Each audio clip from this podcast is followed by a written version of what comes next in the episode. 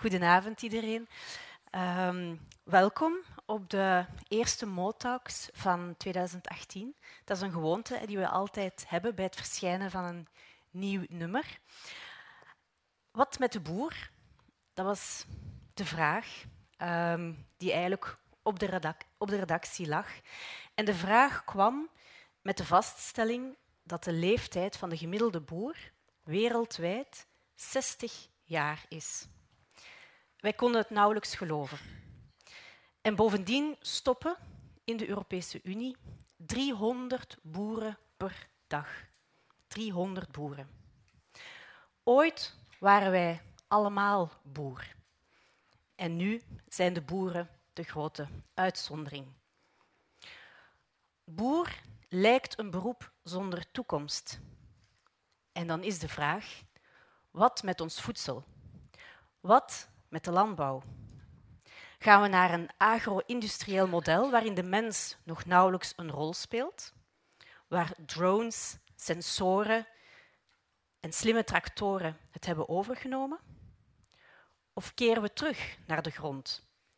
Zetten we in op een landbouw die niet alleen gezond en voldoende voedsel voor iedereen opbrengt, maar tegelijk een buffer vormt tegen milieudegradatie en klimaatopwarming?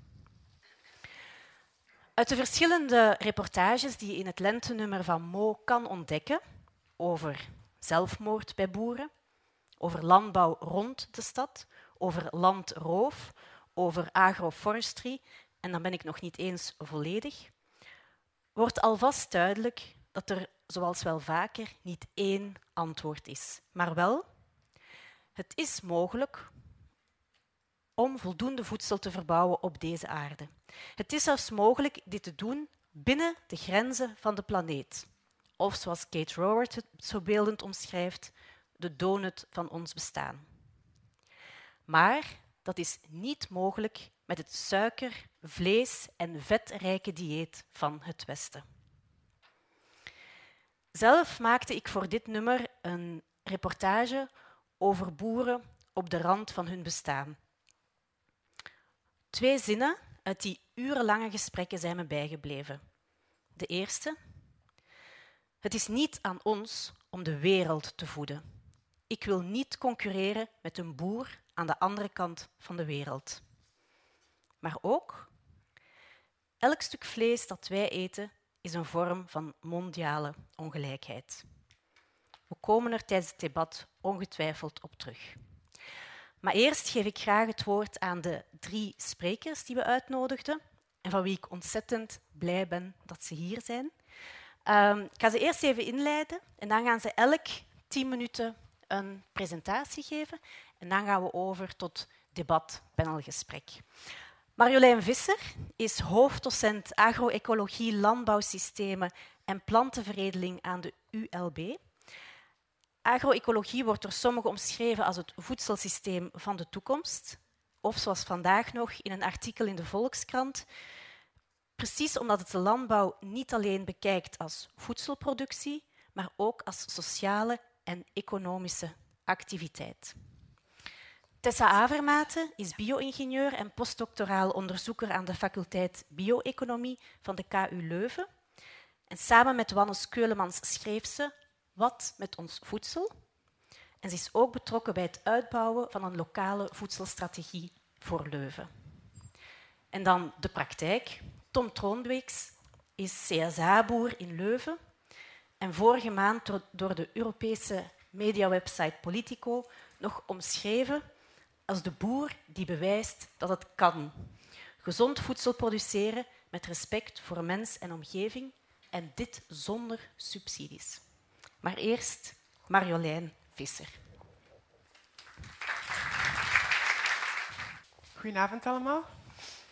Ik ben blij voor u, voor u, vanavond te mogen spreken, ook al is het maar tien minuutjes. Dat is dan de, de limiet. Ik mag maar tien minuten spreken. Ik wil eerst en vooral Mo feliciteren met het initiatief om zo'n belangrijk uh, onderwerp aan te kaarten in zo'n krachtig dossier. Um, en uh, het eerste artikel van dat dossier raad ik u ten eerste aan. Het gaat over zelfmoord bij boeren en toont, aan dat als we voedselproductie blijven alleen maar technisch bekijken, dat we dan gewoon de mist in gaan. Oké, waar ik het wil over wil hebben als inleiding is eigenlijk uh, agroecologie het een beetje meer duiden, omdat in Vlaanderen blijkbaar agroecologie te veel technisch wordt bekeken en te weinig als een transdiscipline die uh, in allerlei richtingen zoekt, niet alleen maar wetenschappelijke kennis wil gebruiken, maar ook zogezegd niet-wetenschappelijke kennis, ervaringskennis en een soort van dia dialoog wil creëren tussen alle mensen die bezig zijn met voedsel. Dat wil zeggen u, ik en iedereen. Ik heb vier puntjes voor u en ik ga proberen iets te versnellen, anders ga ik over mijn tien minuten. Dus agroecologie is een kijk op voedsel en landbouw en het is geen systeem. Dat is heel belangrijk om, om te onthouden. Dus het gaat over uh, een andere manier van kijken naar, naar de dingen. Wat ik hier heb overgenomen zijn de vier grote principes van biologische landbouw, maar dat zou ook even landbouw in het algemeen kunnen zijn, zoals um, beschreven door het IFOAM, dus de International Federation of Organic Agricultural Movements. Toen ik dit las, dacht ik van, ja, waarom is dat niet overal zo? Hè? Voedsel moet uh, gezond zijn, voedsel moet respect hebben voor de ecologie, voedsel moet eerlijk geproduceerd worden en voedsel moet duurzaam geproduceerd worden met veel zorg voor, voor, um, voor het systeem waarin, uh, waarin het werkt. Waarom is het niet zo? Waarom is het niet zo dat het gezond is? Dat we geen respect hebben voor ecologie, dat het niet eerlijk is en dat we niet zorgzaam omgaan met de dingen? Dat is een vraag die agroecologie stelt. Kijk maar wat er aan de hand is wereldwijd en nu zoom ik echt heel erg uit. Als u in Google intikt The Great Acceleration, dan komt u uit op deze uh, collectie van grafieken. Om het heel kort samen te vatten, al die grafieken zeggen hetzelfde. We zijn onze wereld exponentieel aan het kapotmaken. Aan de, aan de linkerkant heeft u de socio-economische trends in het rood. Allemaal exponentieel groeiende tendensen die op het eerste gezicht goed lijken, maar die samengaan met alle tendensen die ook exponentieel de lucht ingaan, namelijk de blauwe tendensen, die allemaal aanduiden dat we het aardsysteem aan het overbelasten zijn. Dus als we die twee nu samenbrengen, dan hebben we aan de ene kant steeds meer aanwijzingen dat we inderdaad de mist ingaan, zal ik maar nog eens zeggen. Aan de andere kant allerlei, wat zou ik zeggen, allerlei manieren om dat te ontkennen. En dat is eigenlijk politiek. Wilt u rekening houden met de feiten of wilt u geen rekening mee houden? En in wat voor toekomstvisie past dat allemaal? Dus ik neem die vier principes hier weer over. Deze keer heb ik niet meer organic doorgeschreven, maar u weet dus, dat zijn eigenlijk principes waar iedereen mee zou kunnen akkoord gaan.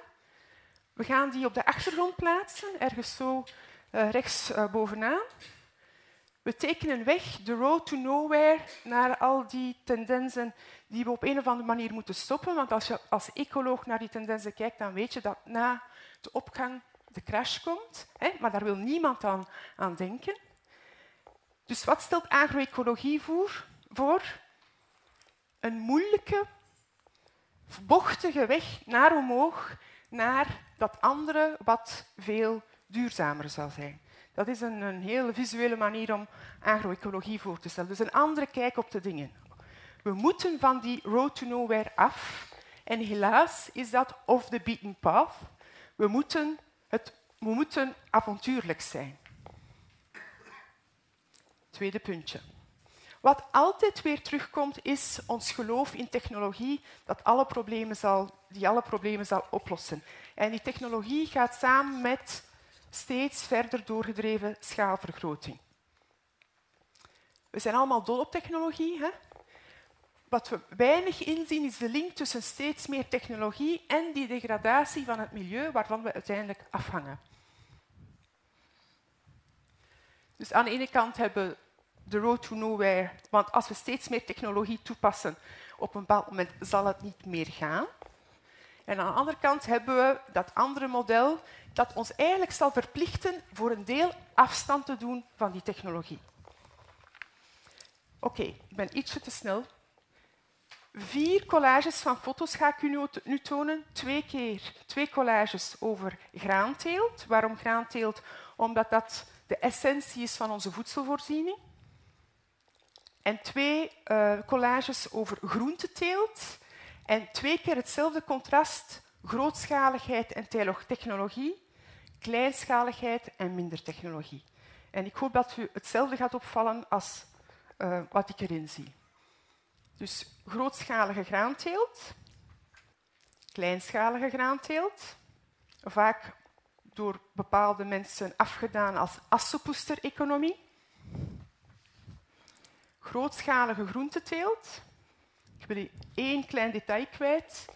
Die, die groene massa daar, die in een, uh, een grote laadbak wordt gegoten, dat zijn ertjes.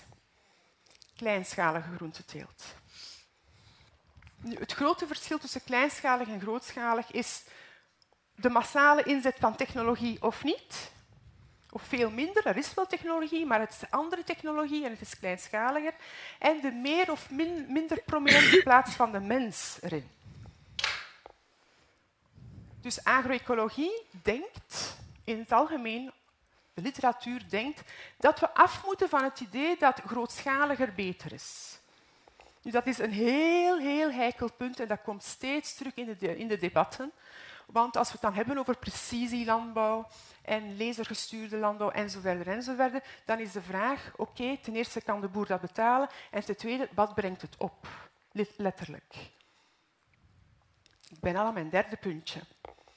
De expliciete rol in de agroecologie van de niet-exacte wetenschappen. Agroecologie is geen wetenschap die voornamelijk door bio- of landbouwingenieurs wordt bedreven. Integendeel, het wordt steeds duidelijker dat het de antropologen, de psychologen en de sociologen zijn die ons kunnen helpen. Als ze ook geïnteresseerd zijn in het landbouw en het voedselvraagstuk. Gewoon twee boeken ter illustratie um, die het uh, onderwerp voedsel opentrekken en dus alle mogelijke wetenschappen uh, door elkaar aanbrengen om over voedsel te spreken. Dat is één, het boek Contested Agronomy. Waarom toon ik dit? Omdat ik het woord contested naar voren wil brengen. Er is heel veel discussie over wat de geschikte manier van landbouw bedrijven is, ook onder wetenschappers. En het tweede is een, een terugblik op de groene revolutie en op plantenveredeling, zoals uh, aangebracht door een geschiedkundige. Dus door iemand die historicus is en die geïnteresseerd was in waar komt plantveredeling vandaan en hoe komt het dat de groene revolutie niet alle verwachtingen heeft ingelost die ze had beloofd. Een andere manier van aantonen dat het niet alleen maar een technische kwestie is, voedsel en landbouw, um, komt hier, hier vandaan. Dus um, u kunt het terugvinden als u naar de nummers van Farming Matters op het internet kijkt en uh, het uh, speciaal nummer van agroecologie of co-creatie van uh, kennis opzoekt. En ik citeer hier iemand die een voorloper is geweest van agroecologie in de Spaanse contraien, dus Spanje en, en Zuid-Amerika, Victor Toledo. En hij is een etno-ecoloog. Dus dat is alweer iets totaal anders dan de bio-ingenieurs en de landbouwingenieurs die ooit gevormd zijn geweest om het voedselvraagstuk op te lossen. En hij zegt letterlijk dat agroecologie een epistemologische revolutie is. Dat is een moeilijk woord, maar ik hou er toch van, omdat het aanduidt dat we inderdaad op een andere manier moeten leren kijken naar dezelfde dingen. En op een zekere manier ons moeten ontblinden of minder verblind zijn en op een andere manier hetzelfde uh, kunnen bekijken, zodat we nieuwe uh, feiten en kennissen ontdek ontdekken die we voordien gewoon niet zagen. Hij zegt ook het volgende: Generating innovation through a dialogue of knowledges komt van het Spaans dialogo de saberes, komt steeds weer terug in de agroecologische literatuur. En u moet het bedrijven om te voelen waarover het gaat. Dus u moet uit, dus de mensen die zogezegd met wetenschap bezig zijn, moeten uit de wetenschappelijke sferen treden en kunnen dialogeren met een zeer open oor met mensen die uh, de ervaringskennis hebben. Ik ben al aan mijn laatste puntje. Ik hoop dat ik binnen mijn tien minuten ben. Dus wat ik al een paar keer heb gezegd, is dat als agroecologie te technisch wordt bekeken of te eng wordt begrensd, dus als de boundaries van, het, van die transdiscipline te eng worden bekeken, dan loopt de agroecologie het gevaar gecoopteerd te worden door het systeem waar het nu juist vanaf wil. En ik citeer hier een zeer radicaal, um, radicale denker daarin, Giraldo, samen met Peter Rosset, in een van de laatste nummers van de Journal of Peasant Studies. There is no better way to appease the demands of social movements and deflect their defense of agroecology than to capture, co-opt and suppress its anti-systemic content. En als het inderdaad beperkt tot, tot technische vragen, dan doe je dat. Dus een laatste moeilijk woord. Ik pleit voor een, een shift in paradigma's. En dat was het.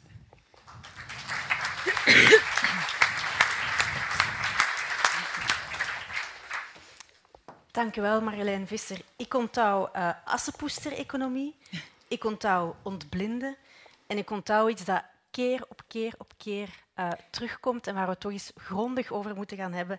En dat is dus dat anders kijken en die paradigma-shift en dus die, ja, die, die wegnemen die we misschien nog niet begaan hebben, die moeilijk is, maar die misschien wel heel interessant kan zijn. Ik laat nu het woord aan uh, Tessa Avermaten.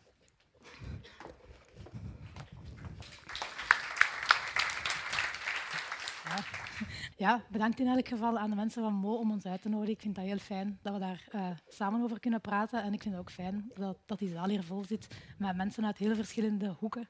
En dat er ook heel veel jonge mensen zijn. Dat is altijd heel plezant, vind ik, uh, als zo'n mix is van van alles.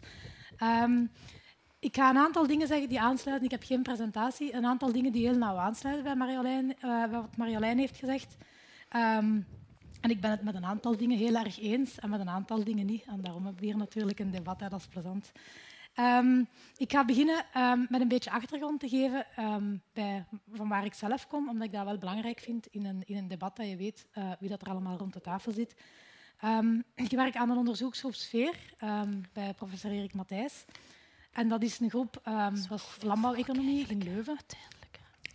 maar eigenlijk is mijn uh, mijn uh, kijk op, op de voedselproblematiek meer uh, overkoepelend. Ik, heb eigenlijk, ja, ik, heb, ik ben bio-ingenieur van achtergrond, maar ik heb ook heel lang um, aan het departement gezondheidszorg en technologie gewerkt. Ik heb daar rond gezondheidszorg gewerkt en ook rond wetenschapscommunicatie. En ik heb eigenlijk die zaken ook meegebracht als ik uh, bij ons op de KU Leuven ben begonnen. Um, ik vind dat heel belangrijk om naar die voedselproblematiek te kijken vanuit um, een holistisch perspectief. Dus niet alleen als, als landbouwingenieur, maar uh, dat we ook mensen vanuit verschillende disciplines samenzetten. En dan, als je het louter academisch bekijkt, um, dat je vanuit bijvoorbeeld uh, mensen vanuit de niet-exacte wetenschappen, en daar ben ik het heel erg mee eens, dat we ook, niet, uh, dat we ook bijvoorbeeld de sociale wetenschappen daarbij moeten halen, dat we daar antropologen bij moeten halen, mensen uit de gezondheidswereld. Ik vind dat enorm belangrijk dat die allemaal rond één tafel zitten. Aan KU Leuven hebben we daarvoor werkgroepen van het Metaforum. En we hebben dus een tijdje um, daar rond samengewerkt met mensen uit verschillende disciplines, daar rond gedebatteerd, allemaal onze wetenschappelijke kennis samengelegd. Um, en dat is heel boeiend en ik raad dat iedereen eigenlijk aan die uh, gelijk vanuit welke sector je ook bent naar die voedselproblematiek kijkt, om dat, om dat in breed perspectief te zien. En het is ook daaruit dat dan uiteindelijk dat boekje is gegroeid. Um, waar ik nog mee bezig ben, dat is met Europese projecten rond het landbouwbeleid. Rond voedselzekerheid hebben we nu juist eentje uh, afgerond, waarbij we kijken naar, naar niches in Europa um, en hoe dat we die kunnen opschalen en hoe dat we kunnen leren eigenlijk van, van mainstream, van grote, um, van, van wat er momenteel loopt, bijvoorbeeld met supermarktketens en zo, hoe dat we daarvan kunnen leren om die niches op te schalen. En we werken eigenlijk altijd in de filosofie van EIP. En voor wie dat niet kent, sluit ook aan wat Marjolein heeft gezegd. Op Europees niveau is men nu bezig een European Innovation Partnership, waarbij we zeggen, kijk, die kloof tussen academici en, en, mensen in de praktijk, die moeten we dichten. Dus als je aan projecten doet, als je onderzoeksprojecten doet, zorg dan ook dat je de landbouwer bijvoorbeeld mee hebt, maar dat je ook al die andere stakeholders mee hebt. En ik vind dat ook ontzettend belangrijk.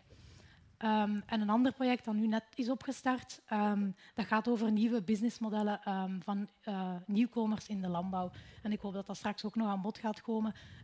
er zijn wel degelijk ook jonge boeren, uh, ook in Vlaanderen, die met veel goesting in die sector staan.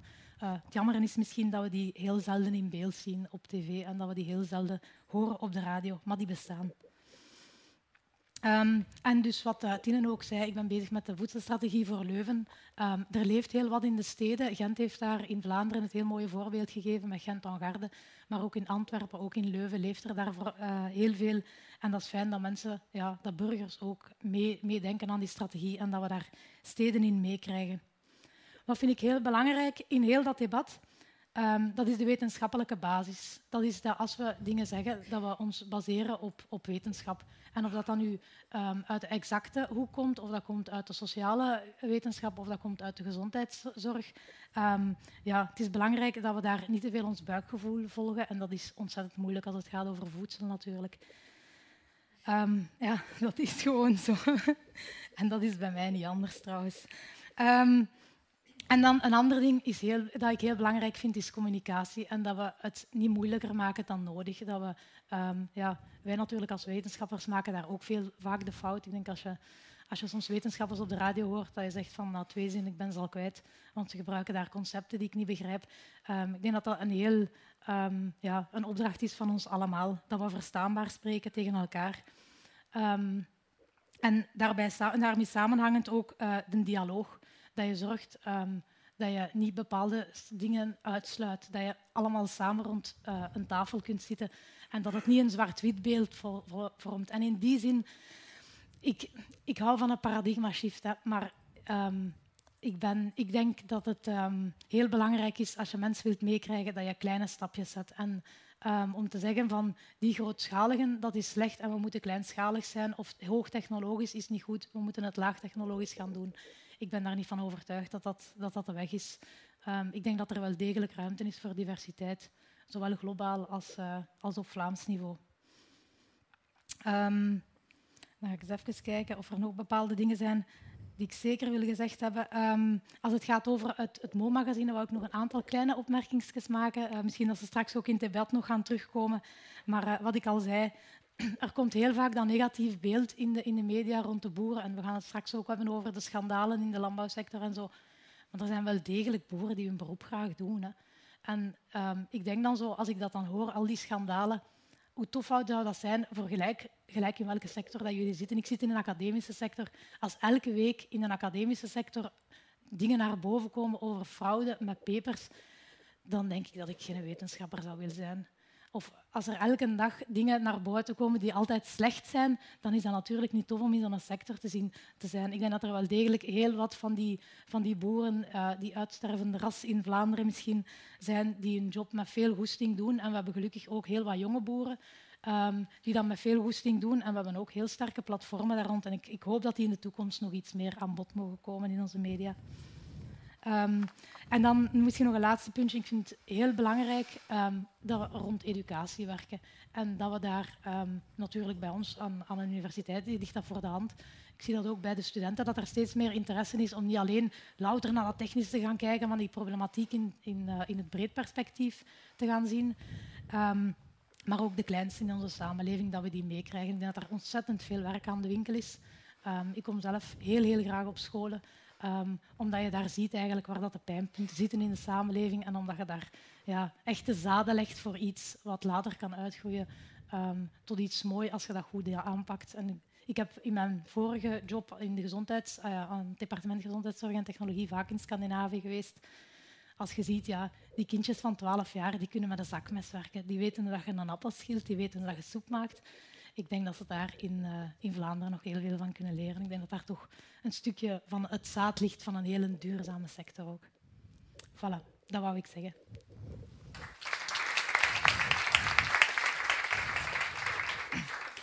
Dank u wel, Tessa. Um, nee, nee, ik denk dat dat moet Ik neem in ieder geval al mee dat het niet zo zwart-wit is als we het soms voorstellen. En ik ben ervan overtuigd dat er heel veel boeren hun werk graag doen, en daar wil ik het zelfs met jou over hebben. Maar ik denk dat veel andere factoren spelen die het werk zo moeilijk maken. Maar we gaan het daar zelfs op in. Ik denk niet dat er een gebrek is aan liefde voor de stiel, maar ik denk dat er een gebrek is ehm, aan maatschappelijk respect vaak voor de stiel. Ehm, en daarom hebben we ook een van die jonge boeren, ik mag u nog jong noemen, hè, Tom, of toch iemand die ja, voor de landbouw gekozen heeft, uiteindelijk tegen een soort stroom- en verwachtingspatroon um, in. En het mooie, dus wat ik al zei, is dat ja, dan Tom eigenlijk onlangs hè, in een in, in internationale pers wordt opgepikt als de boer die bewijst hoe het anders kan. Um, ik laat hem graag zijn verhaal doen. Tom.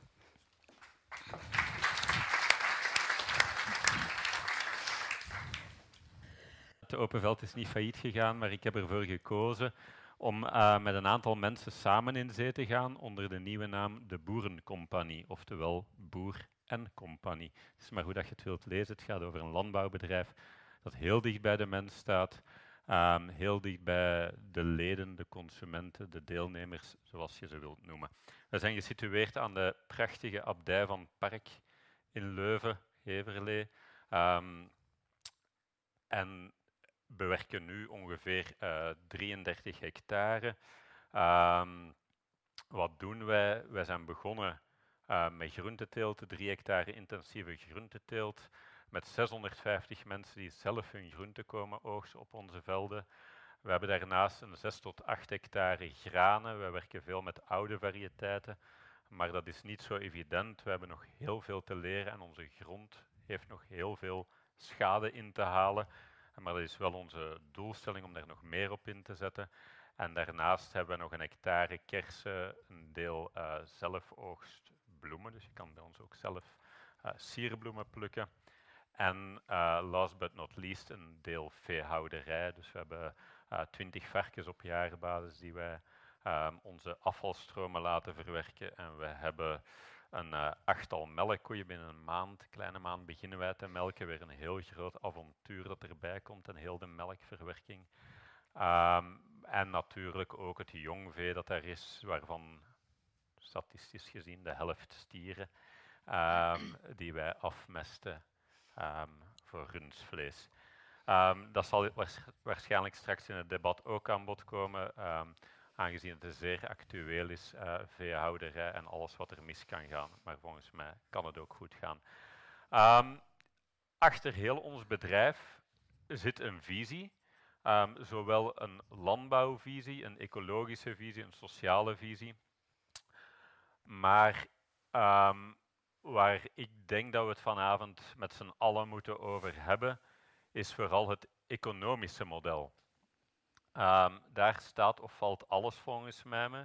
Als je een goed economisch model hebt, heel vooruitstrevend denkt op economisch vlak en daaruit de juiste lessen trekt, dan zal dat zijn weerslag hebben op hoe je bedrijf in elkaar zit, op welke teelt je zet, op hoe je je beesten houdt, um, op hoe je jezelf betaalt, op hoe je werkt aan je eigen um, pensioenplan, ik zeg maar wat. Allemaal facetten die met duurzaamheid te maken hebben.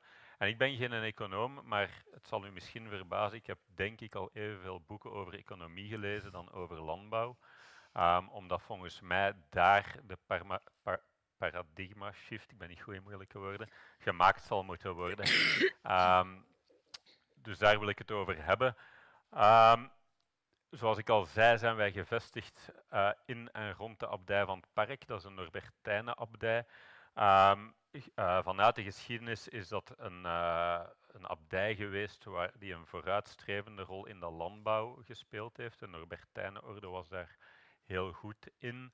Um, en wij willen dat eigenlijk een stukje overnemen, innovatief zijn in de landbouw, maar wel op een eeuwenoude site, teruggrijpend naar het verleden, maar ook vooruitkijkend naar de toekomst en willen um, een combinatie maken tussen oude technieken, oude uh, waardes en waar het ons vooruit helpt om de job haalbaar te maken. Want we leven uiteindelijk nog in deze wereld, dus wij moeten ook uh, ons toch uh, situeren binnen een bepaald marktsysteem.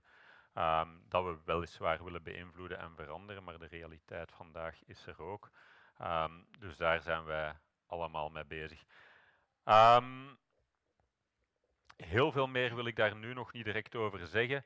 Ehm, als je meer over het bedrijf wilt weten, ik heb van achter foldertjes liggen. Als het gaat over de economie, ik heb daar een aantal ideeën over, maar ik weet ook niet precies waar het naartoe moet. Als het gaat over de juridische vorm van de boerderij van de toekomst, dan is dat volgens mij niet het familiale landbouwbedrijf, zoals dat in het verleden geweest is. Ondernemen met uw familie is niet evident. Ik heb het nooit geprobeerd en ik zou het ook liever nooit proberen. Um, maar wij zijn een coöperatie, dat is volgens mij het uh, model van de toekomst als het gaat over economie. Um, wij zijn in zekere zin getrouwd met elkaar, de vier venoten die er nu zijn, maar wij delen het bed niet um, en uh, zelfs het avondeten meestal niet, soms wel heel gezellig.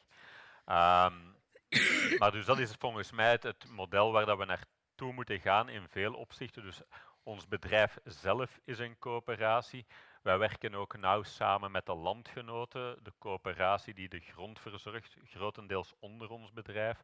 Dus dat is een coöperatie van uh, boeren en burgers die samen inzetten op het verwerven van landbouwgrond, die wij dan, wij en andere biologische boeren, uh, mogen bewerken.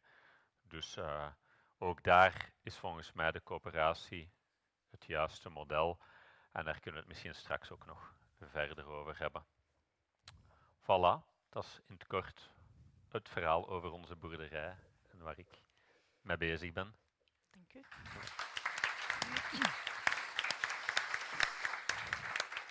Dank u, Tom. Ja, ik onthoud, ik vind dat wel een mooi teruggrijpen naar het verleden om eigenlijk in die toekomst te staan. En dan is het ook wel interessant dat jullie die coöperatie uh, gebruiken als model, omdat dat uiteindelijk ook een model is dat eind 19e eeuw door onder andere boeren werd opgezet om vooruit te gaan. Um, maar ik nodig jullie alle drie uit hier um, vooraan voor het panelgesprek. Het is al een paar keer vernoemd en de actualiteit um, is er weer naar. Er is opnieuw een vleesschandaal. En ik denk het derde, het vierde of zo, in heel korte tijd. Um, dingen die je dan telkens opnieuw hoort, is ons eten is te goedkoop. Het is de schuld van de consument. Hij wil goedkoop voedsel. De controle loopt mank en we moeten meer controleren, beter controleren. Um, maar een andere stem is ook ons vlees, het wit-blauw, rundsvlees, het is eigenlijk waardeloos. Uh, we produceren er veel te veel van. 136 procent van onze eigen behoeften produceren wij hier in België. Het wordt geëxporteerd. En dan is het eigenlijk ook nog niet eens duidelijk wat onze behoeften aan vlees zijn. De rest is voor de export, maar het is mals en smakeloos. Uh, het is het product van een doorgedreven selecteren, een kunstmatig product. Allemaal dingen die erover verschenen zijn over het laatste schandaal. En dan komt de vraag toch duidelijk op, en ik kijk eventjes naar, naar Marjolein. Kun je dit nog een uh, een ongeluk noemen of is het ondertussen toch wel duidelijk een, een systeemfout? Ik ben niet in staat geweest om de details van die berichtgeving te lezen, dus ik wil eigenlijk liever eventjes niet antwoorden, ja. als dat mag. Oké. Okay. Uh, maar het gaat eigenlijk ook in het groot over het feit van um, het is eigenlijk een zoveelste schandaal met ons vlees, ik met onze landbouw. Ik denk dat er vroeger ook schandalen waren, maar die nooit aan de oppervlakte kwamen. Ja. Dat denk ik nu zo losweg. Vroeger waren er al die communicatiesystemen niet om het inderdaad dan inderdaad uh, kenbaar te maken aan het grote publiek. Ik denk dat er altijd heel veel uh, weggemoffeld is geweest. Daarom, vandaar ook al die controlesystemen die in gang zijn gezet. Maar er is wel degelijk iets aan. Uh, het, ik kom terug op die grootschaligheid. Hoe grootschaliger de bedrijvigheid, hoe moeilijker het, moeilijker het is om die traceerbaarheid en die controle die eigenlijk gebaseerd is op wederzijds vertrouwen, te handhaven. Mm -hmm. Dus hoe makkelijker het is om uh, uh, van dat soort van fraudeverhalen naar boven te laten komen. En ik denk dat het echt een toeval is dat het nu naar boven komt, maar dat er ook heel veel fraudes nooit aan het licht komen. Mm -hmm. okay. Als het gaat over die grootschaligheid, Tessa, daarover zeg je van ja, we moeten daar eigenlijk niet zo zwart-wit over denken. Het is niet omdat het grootschalig is dat we meer risico's lopen of dat het een, een, een slechter voedselsysteem zou zijn. Ja. Ik wil daar een paar dingen over zeggen. Ik heb ook niet alles nagelezen erover. Ehm, maar dat doet er niet toe, want de dingen zijn meestal hetzelfde. Het is van die schandalen. Eén ehm, ding daar dat we wel heel zeker van kunnen zijn, is dat we in Vlaanderen um, een van de beste systemen hebben als het gaat over voedselveiligheid, over controle op voeding en zo. Denk ik, we, we, zien ze natuurlijk. Ah, het is een schandaal. Maar ik denk, um, als je op vakantie gaat naar uh, binnen Europa, oké, maar gaat je dan dat je daar veel minder vragen bij stelt misschien? Of als je naar, naar Thailand op vakantie gaat of Indonesië, dat je dat plots maar voor granted neemt dat het allemaal, dat het allemaal gezond en goed is. Um, ik denk dat we in Vlaanderen een heel goed systeem hebben, maar uiteraard schandalen zoals de die, die mogen er niet zijn. Is dat omdat het grootschalig is? Ik denk dat we net zo goed fraude hebben in kleinschalige uh, landbouwbedrijven als in, grootschalige uh, als in de grootschalige. Maar natuurlijk, als je een grootschalige hebt, dan zijn de effecten veel, veel groter. Hè. Dan, uh, ja, dat zijn producten die op veel meer plaatsen beschikbaar zijn. Hè. Dat is, Ik ga toch mijn vraag anders formuleren, want uiteindelijk gaat het hier over een, een uitwas van industrieel kweken van, van dieren. Um, daar kan je toch fameus vragen gaan stellen over is dat het soort vlees dat wij willen. Wat is eigenlijk de plaats dan van vlees in heel die landbouw? Is dat zoveel mogelijk vlees op zo weinig mogelijk ruimte gaan opkweken en dat dan ook nog eens gaan uh, exporteren? Is, is dat eigenlijk de essentie van vlees in een landbouwsysteem? Tom? Ja, het is niet hoe dat ik het zie in ieder geval. Um, grootschalig versus kleinschalig, dat is ook uh, een moeilijke definitie. Um, Waar het mij over gaat, is eens dat je in een coöperatief landbouwmodel zit, dat uw uh, consument, degene die het product eet, dat die mee controleur wordt. Want hij of zij maakt deel uit van het geheel en kan op zijn minst op de algemene vergadering vragen stellen en is betrokken. En ik denk dat dat op heel wat niveaus kan. Er zijn heel kleine coöperaties en er zijn heel grote coöperaties. Maar wat nog belangrijker is, is dat die schandalen volgens mij ontstaan doordat je mensen in een hoek drijft. Boeren krijgen het moeilijk, veehandelaren hebben het moeilijk. Um, en het is dan dat je rare sprongen maakt. Als ik tegen het failliet aan zou gedreven worden door um, begint je rare geluiden te maken. Ja, hier komen uh, allemaal uh, Als ik in het nauw zou gedreven worden, dan durf ik niet zeggen dat als het er echt om gaat om mijn kinderen te kunnen eten geven en ze naar school te sturen, dat ik ook niks raar zou doen. Ik denk, ik, ik, ik durf dat gewoon niet beloven. Ik hoop dat ik daar sterk genoeg voor ben. Maar uiteindelijk versta ik ook wel dat als we producenten in het nauw drijven, dat die hele rare dingen gaan doen om hun producties op te drijven, om, om uh, wat etiketten te verplakken. Um, niet dat ik dat goedkeur. En wie Zeker. drijft hen dan in het nauw? Eh, dat is de grotere vraag, maar daar komen we bij, het, bij de economie. Hoe werkt onze economie? Dat is een, een markteconomie, het kapitalisme. En dit zijn de, de gortigste uitwassen van een kapitalistisch systeem. Want uiteindelijk kies jij met jouw model er toch voor om je voor een stuk buiten die markt uh, te plaatsen Absoluut. en je eigen markt Absoluut. Ik geef, ik geef heel mijn markt zelf vorm. En dat is het, het geniale aan Community Supported Agriculture, het systeem dat achter ons bedrijf zit. Wij kunnen daar heel ver in gaan om gewoon vanuit ons ethisch reflecteren en in overleg met onze leden te gaan zoeken naar wat werkt hier en wat werkt niet. En ik zal een klein voorbeeldje van geven. Ik ben begonnen in 2007. Ik heb gedurende een jaar of vijf voor al mijn volwassene leden dezelfde prijs gehad. Na een tijd had ik zoiets, hier kunnen we een stap verder gaan. Mijn achtergrond is gescheiden ouders, rijke vader, arme moeder, om het even heel simpel te zeggen. Ik vond dat de sterke schouders zwaardere lasten moesten dragen binnen dit systeem, zonder een commune te zijn en zonder een verplichting op te leggen. Ik heb gewoon een prijs voor ik geïnstalleerd. Dus ik heb nu een flexibele prijs en mensen kiezen zelf wat ze betalen. Gemiddelde moet 285 euro zijn per volwassene voor de groente, om de kosten van het bedrijf, inclusief een eerlijk inkomen voor de boer, te bewerkstelligen. Net zoals dan na drie jaar boer zijn het mij ineens daagde dat mijn loon niet het resultaat moest zijn tussen uw inkomsten en uw uitgaven en wat er overschoot, negatief dan wel positief, was mijn inkomen. Nee, dat inkomen moest gewoon staan bij de kosten van het bedrijf, als kostenpost. En dat zijn van die paradigma shifts die we volgens mij moeten zien te maken. En binnen dat klein wereldje van mijn CSA kan ik daar heel creatief mee omgaan, zolang ik met mijn medevenoten akkoord ben en met mijn, en mijn leden daarin kunnen volgen. Dat gaat veel over educatie en informatie. Kunnen wij veel doen? Ben ik ineens drie keer zo duur dan de supermarkt? Dan gaat het ook niet meer werken. Dus ik blijf altijd nog wel ergens uh, met de grote markt te maken hebben. Ik zit niet op een, op een eiland. -hmm. Het is wel interessant, hè, want we hebben de vraag van hoe kan de boer nog leven? Hè? Want de meeste boeren die ik nu gesproken heb voor, voor het nummer, die draaien allemaal met verlies.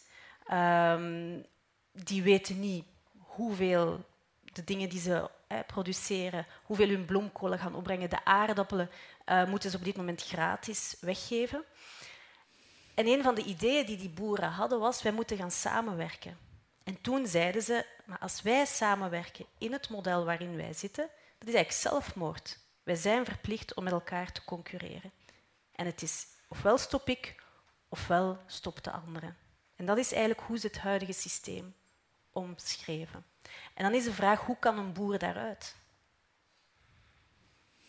Ik denk dat dat vooral een maatschappelijke vraag is. Hè. Hoe kan een maatschappij daaruit meer dan hoe kan, kan een boer daaruit geraken? Hè? Waarom, eh, waarom, is het systeem, waarom is het vandaag dat we, dat we wel gechoqueerd zijn door de schandalen, maar als we in de supermarkt zijn, dat we toch voor het goedkoopste kiezen? Of als, als onze kinderen naar, naar de stad gaan, dat ze toch um, een McDonald's binnenstappen of uh, kiezen voor, voor het goedkoopste, het snelste, het vettigste en het ongezondste? Um, opnieuw, ik denk dat dat enorm veel met educatie te maken heeft. Hè? Zorg dat mensen vrijheid van keuze, zoals ze nu wordt, wordt omschreven, is eigenlijk een heel beperkte vrijheid. Je moet wel de juiste informatie allemaal hebben om een vrije keuze te kunnen maken.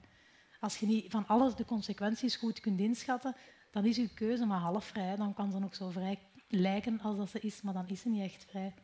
Ja, maar als je zegt het is educatie, dan bedoel je van het landbouw, de landbouw zoals hij nu is, kunnen we zo laten. Het is gewoon een kwestie van opvoeden, zodat de mensen de ja, juiste nee, dingen natuurlijk kiezen. Zijn er, nee, nee, nee, natuurlijk zijn er ook in het, in het landbouwsysteem, maar het landbouwsysteem en staat niet Wat zou je dan zoal denken van, kijk, dat zijn zaken die toch wel dringend moeten veranderen? Ik denk dat samenwerking in de keten, dat dat ook al... Dat dat, je bedoelt tussen voedingsverwerkende bedrijven als, Ja, zowel tussen, tussen de landbouwbedrijven als... Maar zit je daar niet met heel ongelijke spelers die met elkaar moeten gaan staan? Want ik hoor dat altijd heel graag, hè? die stakeholder-overleg enzovoort en het ketenoverleg. En dat is het soort nieuwe magische woord waarmee we heel veel dingen gaan oplossen. Maar ik vraag me dan toch niet af... Um, de zwakste schakels hebben toch daar ook, wegen daar toch ook het minst. Ik zie jou knikken, Marjolein. Wil je daarop ingaan?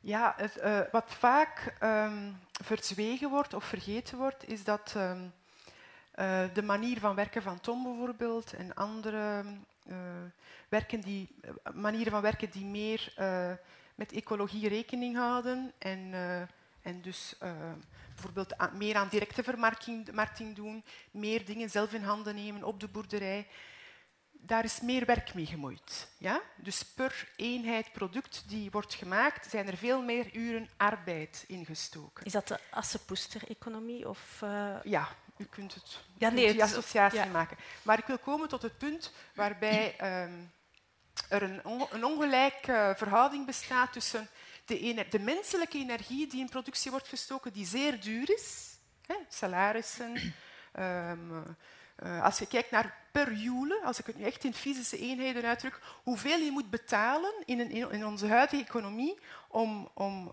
om, dat gedaan te krijgen.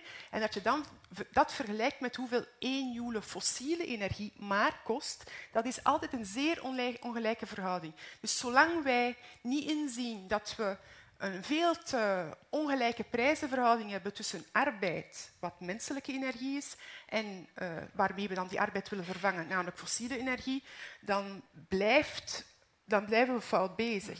En dat is een impasse Want geen enkel land gaat eigenhandig meer accijnzen leggen, bijvoorbeeld op, uh, op fossiele brandstoffen, om dat dan een beetje gelijk te trekken, want dan komen ze direct in concurrentie met uh, alle omliggende landen die, die business as usual toepassen. En dat is, een, dat is voor mij een onoplosbaar vraagstuk. Het blijkt, ik denk dat we uh, tot een zware crisis daarin moeten komen om het anders te kunnen aanpakken. Dat klinkt nu heel catastrofaal, maar uh, blijkbaar de, is de consument, consument, niet bereid dat al op voorhand in te zien en daarnaar te handelen. Maar leggen we het nu niet een beetje te veel bij de consument?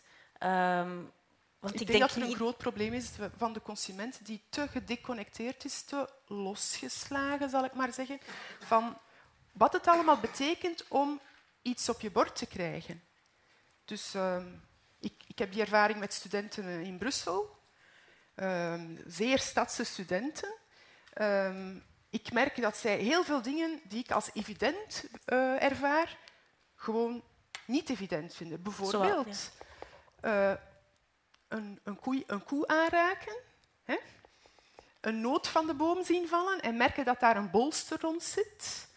Um, merken dat koeien uh, gras eten en niet alleen maar soja en maïs, bijvoorbeeld zulke dingen. Heel, heel simpele dingen.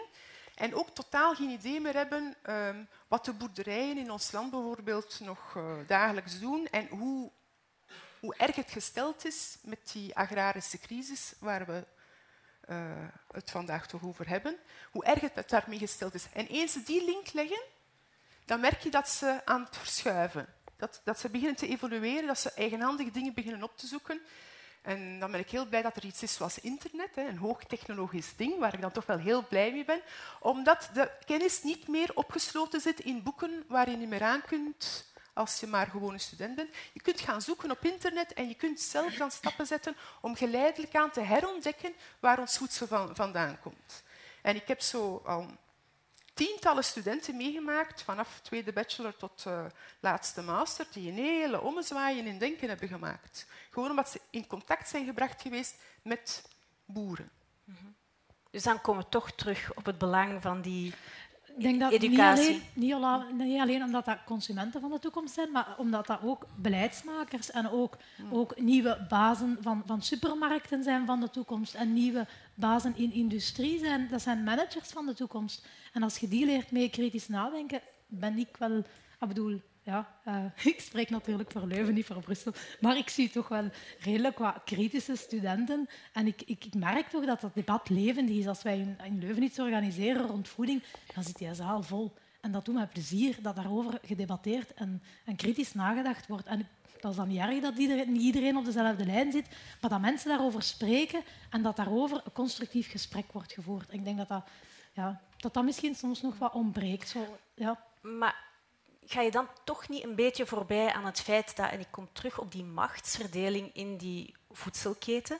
Uh, er staat ook een reportage in het magazine op dit moment, uh, op, uh, in dit nummer, over landroof. Niet in Afrika, maar in Roemenië. Ja. Um, er is mij onlangs ook nog een verhaal verteld van een aardappelverwerkend bedrijf hier in België dat massaal gronden opkoopt en dat eigenlijk die gronden inpalmt, uiteindelijk voor een stuk afneemt van wat een divers um, voedselsysteem zou kunnen zijn. Dus het gaat niet alleen over het opvoeden van uiteindelijk die burger, maar het gaat toch ook wel over het proberen omkeren van die machtsverhoudingen. En ik denk dat we het daar beleid, toch ook ja. over moeten hebben. Niet ja. alleen beleid, ook echt bedrijven in die voedselketen. Als je globaal kijkt, zijn er tien bedrijven die de voedselketen in handen hebben. Als het, vier. Vier zelfs maar.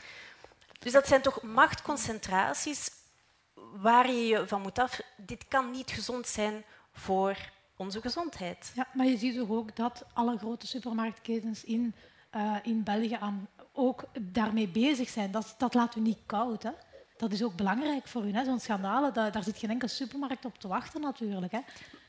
Ik denk dat daar, dat daar zeker vooruit wordt gedacht. Ik denk dat we die, die, uh, dat ook niet mogen onderschatten. Natuurlijk zijn er grote monopolies en zo, en hoe dat je daarmee verder moet. Ik denk dat, denk dat daar op Europees niveau, ja, ik denk dat we daar wel een aantal sterke mensen hebben die daarmee over kunnen nadenken. Maar ja, daar heb je krachtdadige beslissingen voor nodig en dat is niet uh, evident. Dat is toch een heel moeilijk verhaal. We hebben dat eerst zien gebeuren met fair trade. Elke supermarkt heeft nu een aantal fair trade producten en dat ligt dan gewoon naast producten die totaal omgekeerde te werk stellen. Het is gewoon totaal niet vanuit een visie, vanuit een ideaal. Dat is puur markteconomisch gedacht van oké, uh, we hebben een aantal mensen in Vlaanderen die blijkbaar zo naïef zijn om in fair trade te geloven. Laten we dat dan ook maar verkopen, want dan komen ze binnen en dan zullen ze nog wel iets anders meepakken ook. Veel meer zit daar toch niet achter. Anders doet je dat niet. Dat is zoals uh, Fortis Bank, die ook een ethische spaarrekening heeft. Dat is gewoon niet oké. En nu beginnen de supermarkten van wij gaan ook korte keten doen. Dat is gewoon belachelijk, dat is niet geloofwaardig. Dat is gewoon niet geloofwaardig. En dan weet elke kritische consument, uh, ja, gaat, blijft toch gewoon daar rond shoppen, want dat, dat, dat kan niet. Of dat dan niet geloofwaardig is, daar durf ik niet zo is... rechtdoor open. Als er lokale geranten zijn die zeggen van wij gaan met lokale producenten gaan samenwerken, waarom is dat niet geloofwaardig? Omdat okay. die lokale geranten... Allez, of... Ja, dat is een tussenvorm waar ik misschien nog iets positiever over kan zijn. Maar dat is niet vanuit het beleid van Deleuze of zo. Die zitten met hun aandeelhouders. Heel het kapitalistisch model. En daar moeten we uit. Ah, ik wil er als boer heel een tijd over de economie doorgaan, want daar draait het om. De term die hier vanavond moet vallen is true cost accounting. Ja, en risico. Hè? Risico en daar moet gewoon elke prof, elke boer, elke speler in heel de keten mee bezig zijn. Wat kost voedsel echt?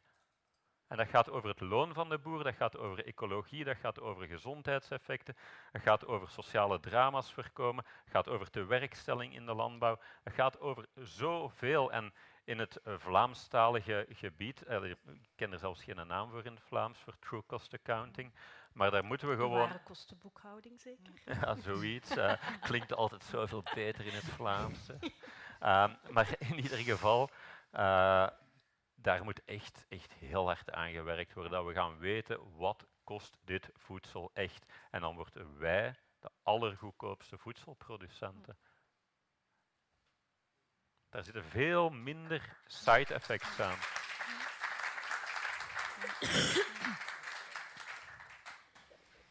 Ja, ja. Um, ik ben, ben het daarmee eens, maar je kunt zoiets niet op Vlaams niveau gaan bekijken. Hè. Nee. Vlaanderen is absoluut geen eiland dat je kunt gaan omringen. Of Leuven is geen, geen eiland. Brussel is geen eiland dat we kunnen gaan ommuren en zeggen van kijk, we gaan al die nee, handel afschaffen. Uiteindelijk wordt op dit moment eh, beslist over het nieuw te volgen Europees landbouwbeleid. Ja. Dat zijn eigenlijk allemaal elementen die daarin zouden moeten zitten. Zitten die daarin? Is dat alleen landbouwbeleid? Dat is toch ook energiebeleid? Dat is ook... Nee, nee, maar ze zijn toch nu het nieuwe landbouwplan ja, ja, ja, aan het schrijven. Dus... Maar het zit niet allemaal... Ja, het, zit niet allemaal ja, het is niet gesegmenteerd. Uiteindelijk gaat het over een klimaatbeleid in mijn hoofd. Dat is eigenlijk de vraag. Dat is... Allee, dat is... Ik zeg dat niet, maar... Sorry. Um, voor een stuk is landbouw ook onderdeel van een heel klimaatbeleid dat gevoerd zou moeten worden. En dan zitten die zaken daar ook in, denk ik dan. Ja, natuurlijk. Dus het is ook heel complex. Hè? Um, ja, dat complex is, dat weten we. Maar daarom zitten we hier om het een beetje met elkaar te rafelen. Ja, ik, ik, ben er ook vast van overtuigd dat op Vlaams niveau dat het allemaal veel moeilijker is. Maar als we op boerderijniveau beginnen en, en met uh, mensen die daar kort bij staan en zo stilletjes aan het grondenprobleem ook met de consument gaan oplossen. En uh, er zijn nu ook een aantal experimenten met een soort van supermarkten, hè, de Food Hub, hier, zowel hier in Brussel als in Leuven, waar dat toch ook een hele sterke link is, ook weer in coöperatie bovendien, tussen de boer en de supermarkt die echt weet van waar het komt, waar dat de manager van de supermarkt bij elke boer persoonlijk is langs geweest, waar dat op het prijsetiket staat hoeveel procent van hetgeen dat de consument betaalt bij de boer terechtkomt, en zo verder. Dus transparantie, nog zo'n heel belangrijk woord. Kom aan, laat het maar boven water komen. Um, en, en zo zal dat wel stilletjes aan omhoog gaan. En hoe meer mensen we op die manier kunnen betrekken, hoe belangrijker het ook wordt voor de politiek. Want die gaat altijd de stemmers volgen. Hè? Die gaat nooit allee, vijf minuten politieke moed, ik heb dat eigenlijk nog niet dikwijls gezien, om niet te zeggen nog nooit.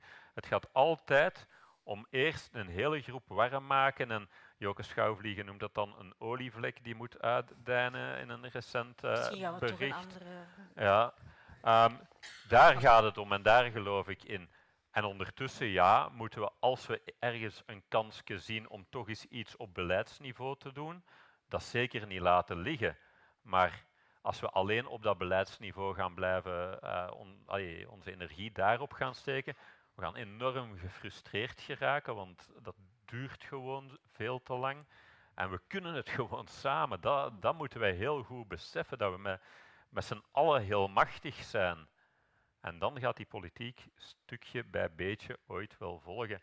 En ja, als, als je echt naar, naar wereldschaal kijkt... Dat is eigenlijk mijn volgende vraag. Is dat iets wat je wereldwijd kan doen? Want uiteindelijk, als je kijkt 2050, pakweg 10, 11 miljard mensen, kun je die op die manier um, Kijk, ik, uh, onderweg naar hier ben ik erover aan het nadenken geweest en vijf minuten denk ik van wel en vijf minuten denk ik van niet.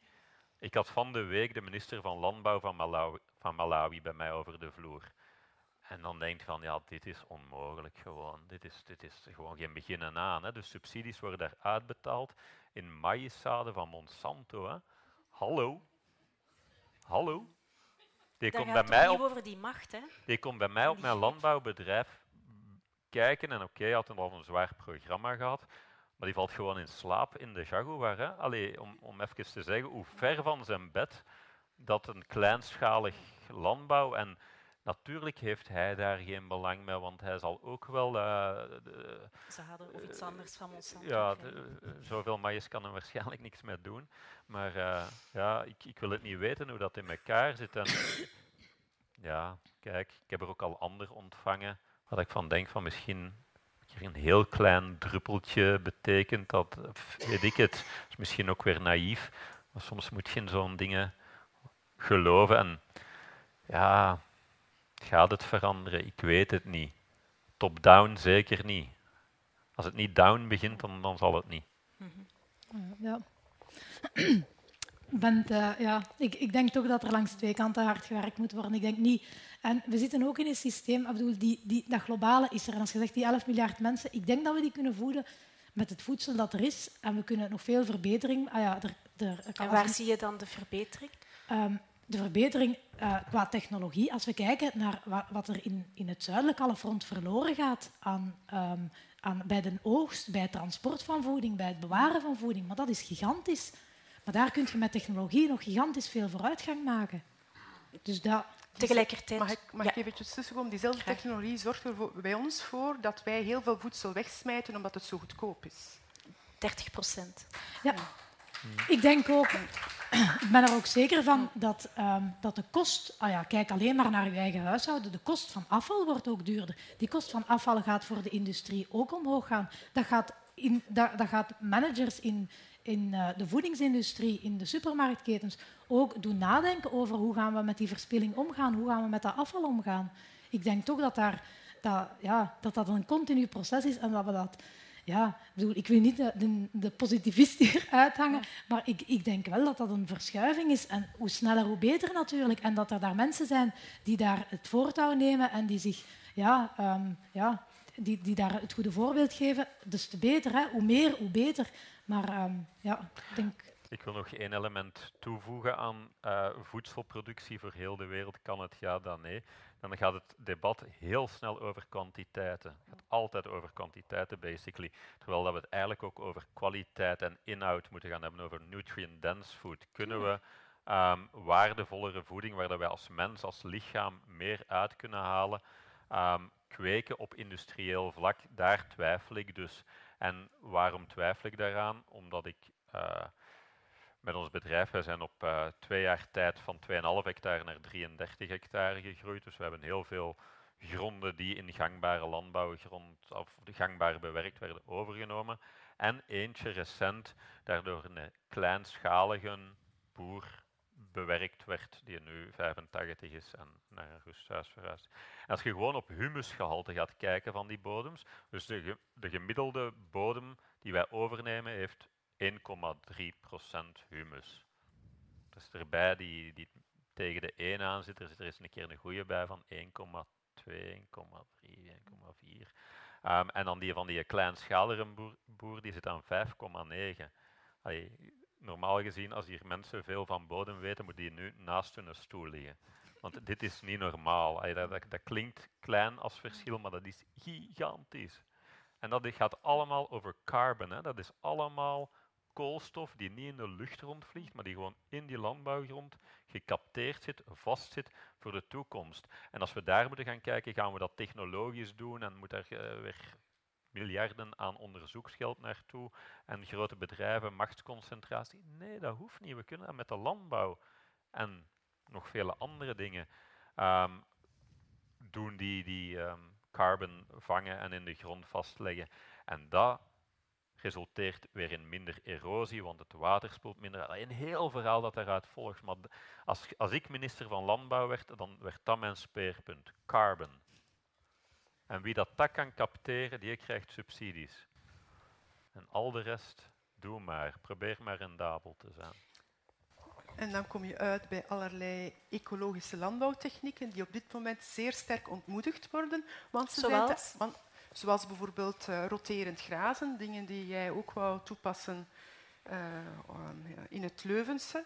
Uh, zoals agroforestry. Um, ik heb studenten die daarop werken en die aantonen hoe het systeem in Vlaanderen eigenlijk tegen agroforestry werkt, waardoor geen enkele boer het opneemt, omdat ten eerste hij de ecologische waarde er niet van inziet, ten tweede omdat, er, om, omdat het een lange termijnsproject is en hij natuurlijk gedwongen wordt om op korte termijn te denken, en ten derde omdat uh, hij niet geleerd heeft, of ontleerd heeft, zal ik maar zeggen, om in te zien dat bomen heel belangrijk zijn op een, op een boerenbedrijf. Want 50 jaar landbouwpolitiek heeft juist het omgekeerde gezegd. Mm -hmm. En op welke manier wordt het dan ontmoedigd? Op welke manier ontmoedigt het systeem... Grote machines, ja. die kunnen niet tussen die bomen rijden, bijvoorbeeld. -hmm. Dus het gaat weer alweer van... Geef je prioriteit aan de machines, zodat alles plaats maakt voor de machines. Ik, ik stel het heel karikaturaal, maar zo komt het heel vaak naar voren in gesprekken met boeren. Of zeg je het omgekeerde van kijk, we, we kijken hoe je een matrix kunt opstellen, een land, landschapsmatrix waar bomen hun plaats hebben. En dan ga je de machines aanpassen aan al die ecologische randvoorwaarden. Maar dan moet je natuurlijk ook de machinefabrieken mee hebben in het hele verhaal. En op dit moment bijvoorbeeld een, een spuitmachine, in Frans, ik, zag, ik, zag, ik, uh, ik zocht eventjes het woord, uh, een pulvé, kortjes ja, af, pulver, ja. pulverisateur. Dat gaat tot 48, zelfs 60 meter uh, bandwijdte. Hè? En als je dan bomenrijen hebt van 60 meter, dan riskeer je met die spuitmachine die bomen te kwetsen en zo. En dus, dat is allemaal aan betand, die bomen. Waarom gewoon niks? Zodat die machines gewoon op en neer kunnen rijden, zonder, zonder uh, uh, hindernissen, zonder hinderpalen. Dus de boeren brengen heel vaak dat als eerste punt boven. En het tweede, pacht. De meeste, de meeste, de boeren werken met pacht.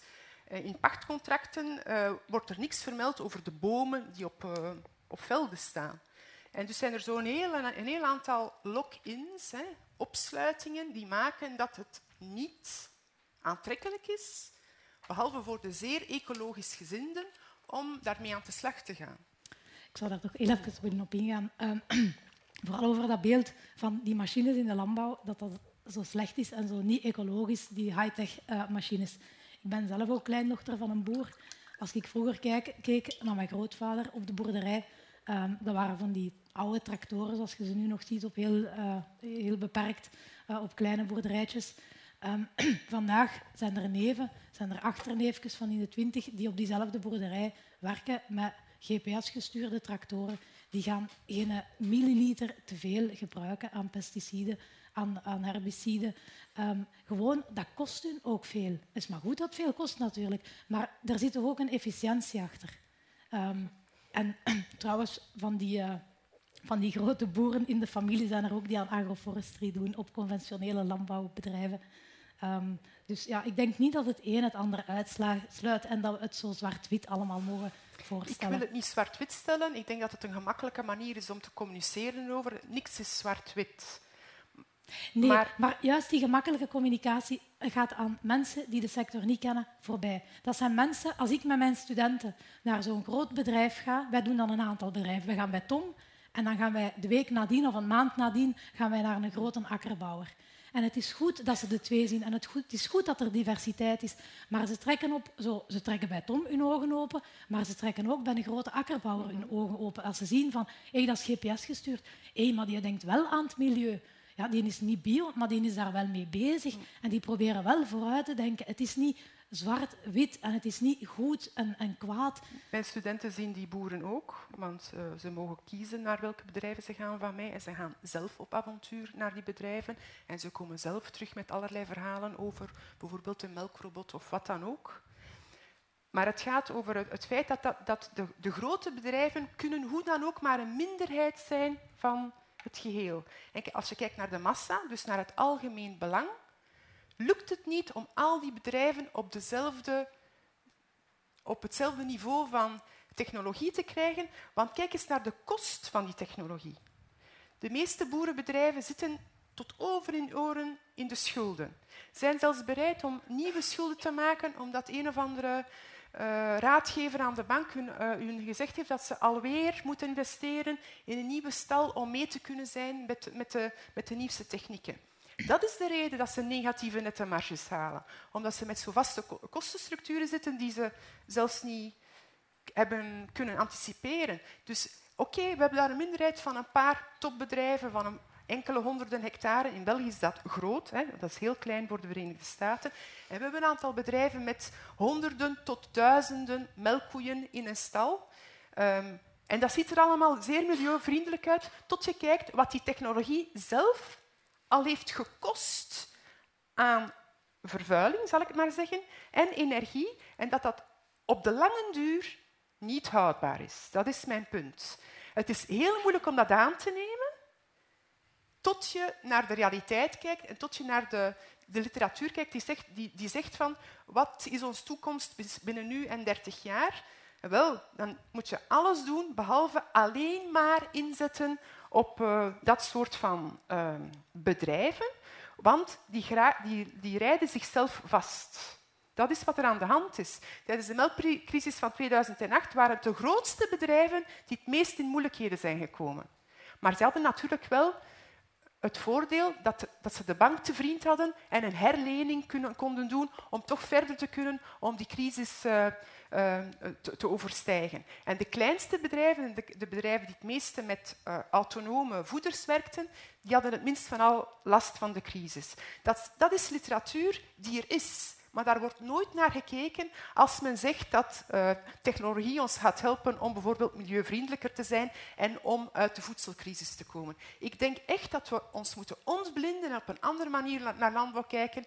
Kleinschaligheid heeft heel veel troeven uh, als we kijken naar de crisis die er hoe dan ook gaat komen. En dat is dus mijn standpunt. Ik denk dat die crisis er gaat komen. En ik weet dat heel veel mensen het met mij niet eens zijn dat die crisis er nooit zal komen. Kijk naar het verleden. Kijk wat er op, overal ter wereld al gebeurd is met vroeger beschavingen die op een bepaald moment zijn ineengestort, omdat ze te ver zijn gegaan. Het gaat ons ook overkomen. En voedsel is het sleutelvraagstuk erin. Om even op die kleinschaligheid door te gaan. Hè. Ik keer terug naar de vraag die we ervoor gesteld hebben, namelijk hè, het voeden van 11 miljard mensen, um, dan wordt er ook wel vaak als kritiek gegeven met alleen kleinschalige landbouw gaan we er niet geraken. Ik denk dat dat een, een verkeerd gestelde vraag is en een verkeerd uh, commentaar op die vraag. Moeten wij ons hier in België bezighouden met de miljarden mensen die in China um, wonen of die hier in Afrika, gaan bijkomen?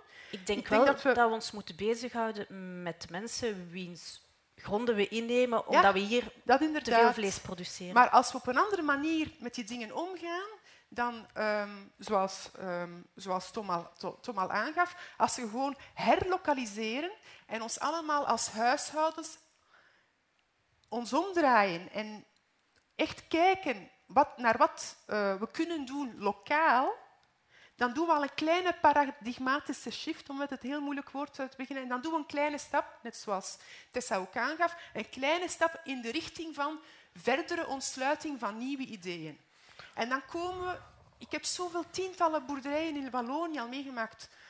Ik ben zo blij, zo dankbaar dat ik het in Wallonië heb mogen zien. Boeren die uit eigen uh, initiatief in hebben gezien dit willen we niet, dit pad willen we niet meer bewandelen. We gaan het op een andere manier aanpakken. Onder andere dankzij die melkcrisis van, melkprijzencrisis van 2008. En de crisis in de melkprijzen die er nu opnieuw is. En die alles herontdekken. Zelf. Niet geholpen door staatsadvies of zo. Gewoon stap per stap.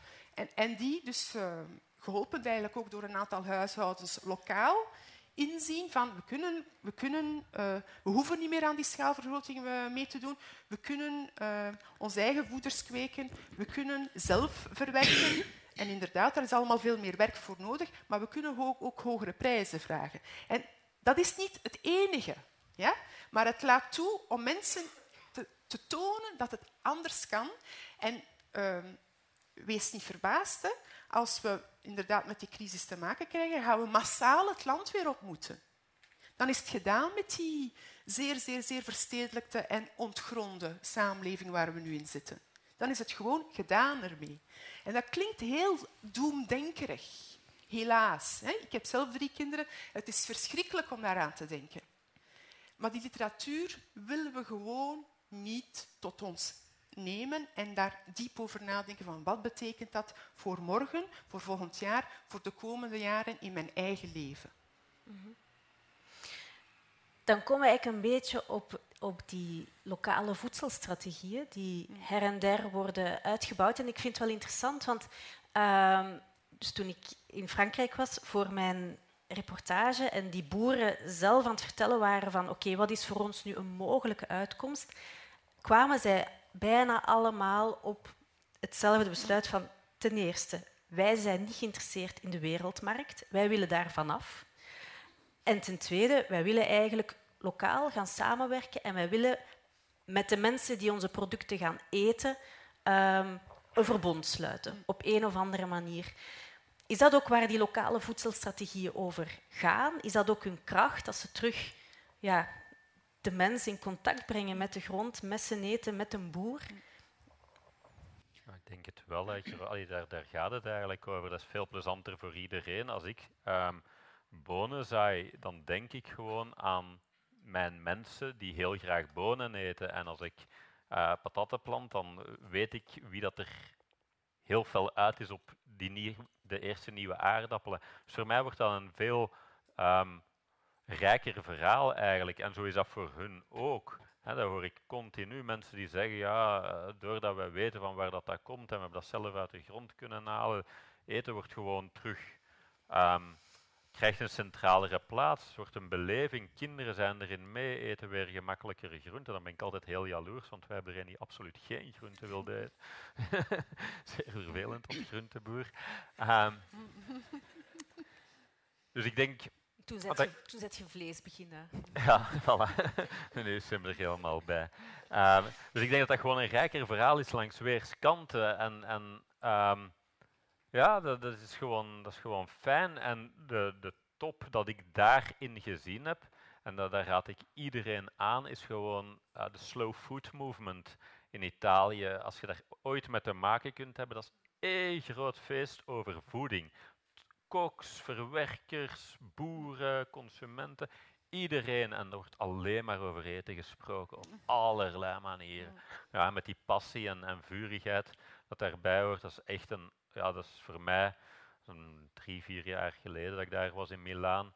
is echt ja, het grootste feest van mijn leven eigenlijk geweest, dat over, alleen maar over voedsel ging. En, en gewoon de passie van een, een Bretoense visser die ook een koe heeft en die dan een bepaald recept voor yoghurt te maken van een mengeling tussen um, uh, koeienmelk en schapenmelk, waar dat je dan uh, echt... Uh, dat is gewoon waar we terug naartoe moeten. Dat is, dat is eten, dat is, een, dat is een totaalverhaal. Dat is veel meer dan uh, joelen en zo verder. Dat, daar, dat gaat echt over cultuur, agricultuur. Het komt niet van nergens. En, En dat moet terug tot leven gewekt worden. Dat, dat we echt ja, met die foodies, en, en, en dat is een modern woord, en, en er zijn misschien ook uitwassen van, maar dat we echt terug gewoon met passie aan de tafel zitten en, en daarover praten en uitwisselen. Dat is heel...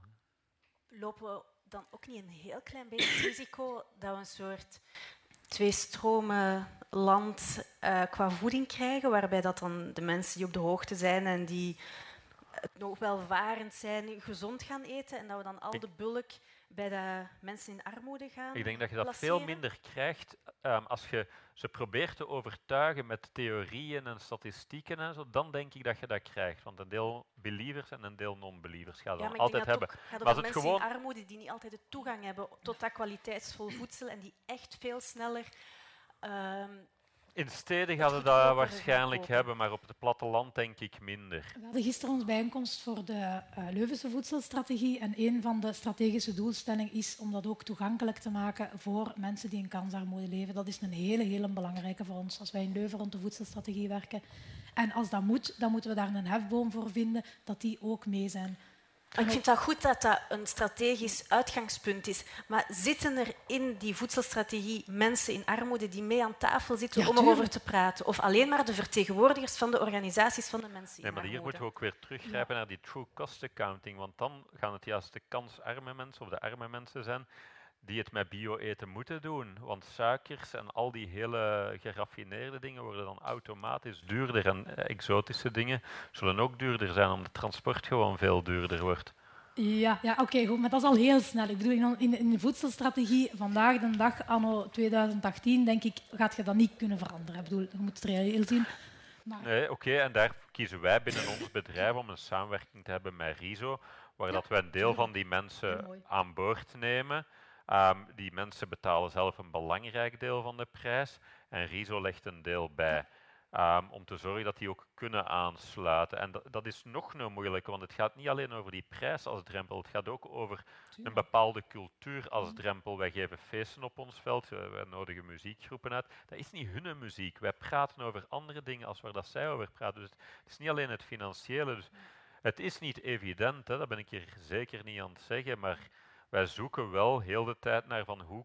Wij komen ook uh, met z'n drieën van de vier uit de sociale sector. Dus dat is ook zoeken naar van hoe kunnen we als bedrijf onze maatschappelijke verantwoordelijkheid nemen. Want het is heel gemakkelijk om te zeggen van uh, zet de bejaarden, maar ginder, de gehandicapten daar uh, allemaal in zijn vakje. En ja, oké, okay, wij zullen belasting betalen en, en lossen het daar maar mee op. Maar dat is niet hoe ik denk over de samenleving.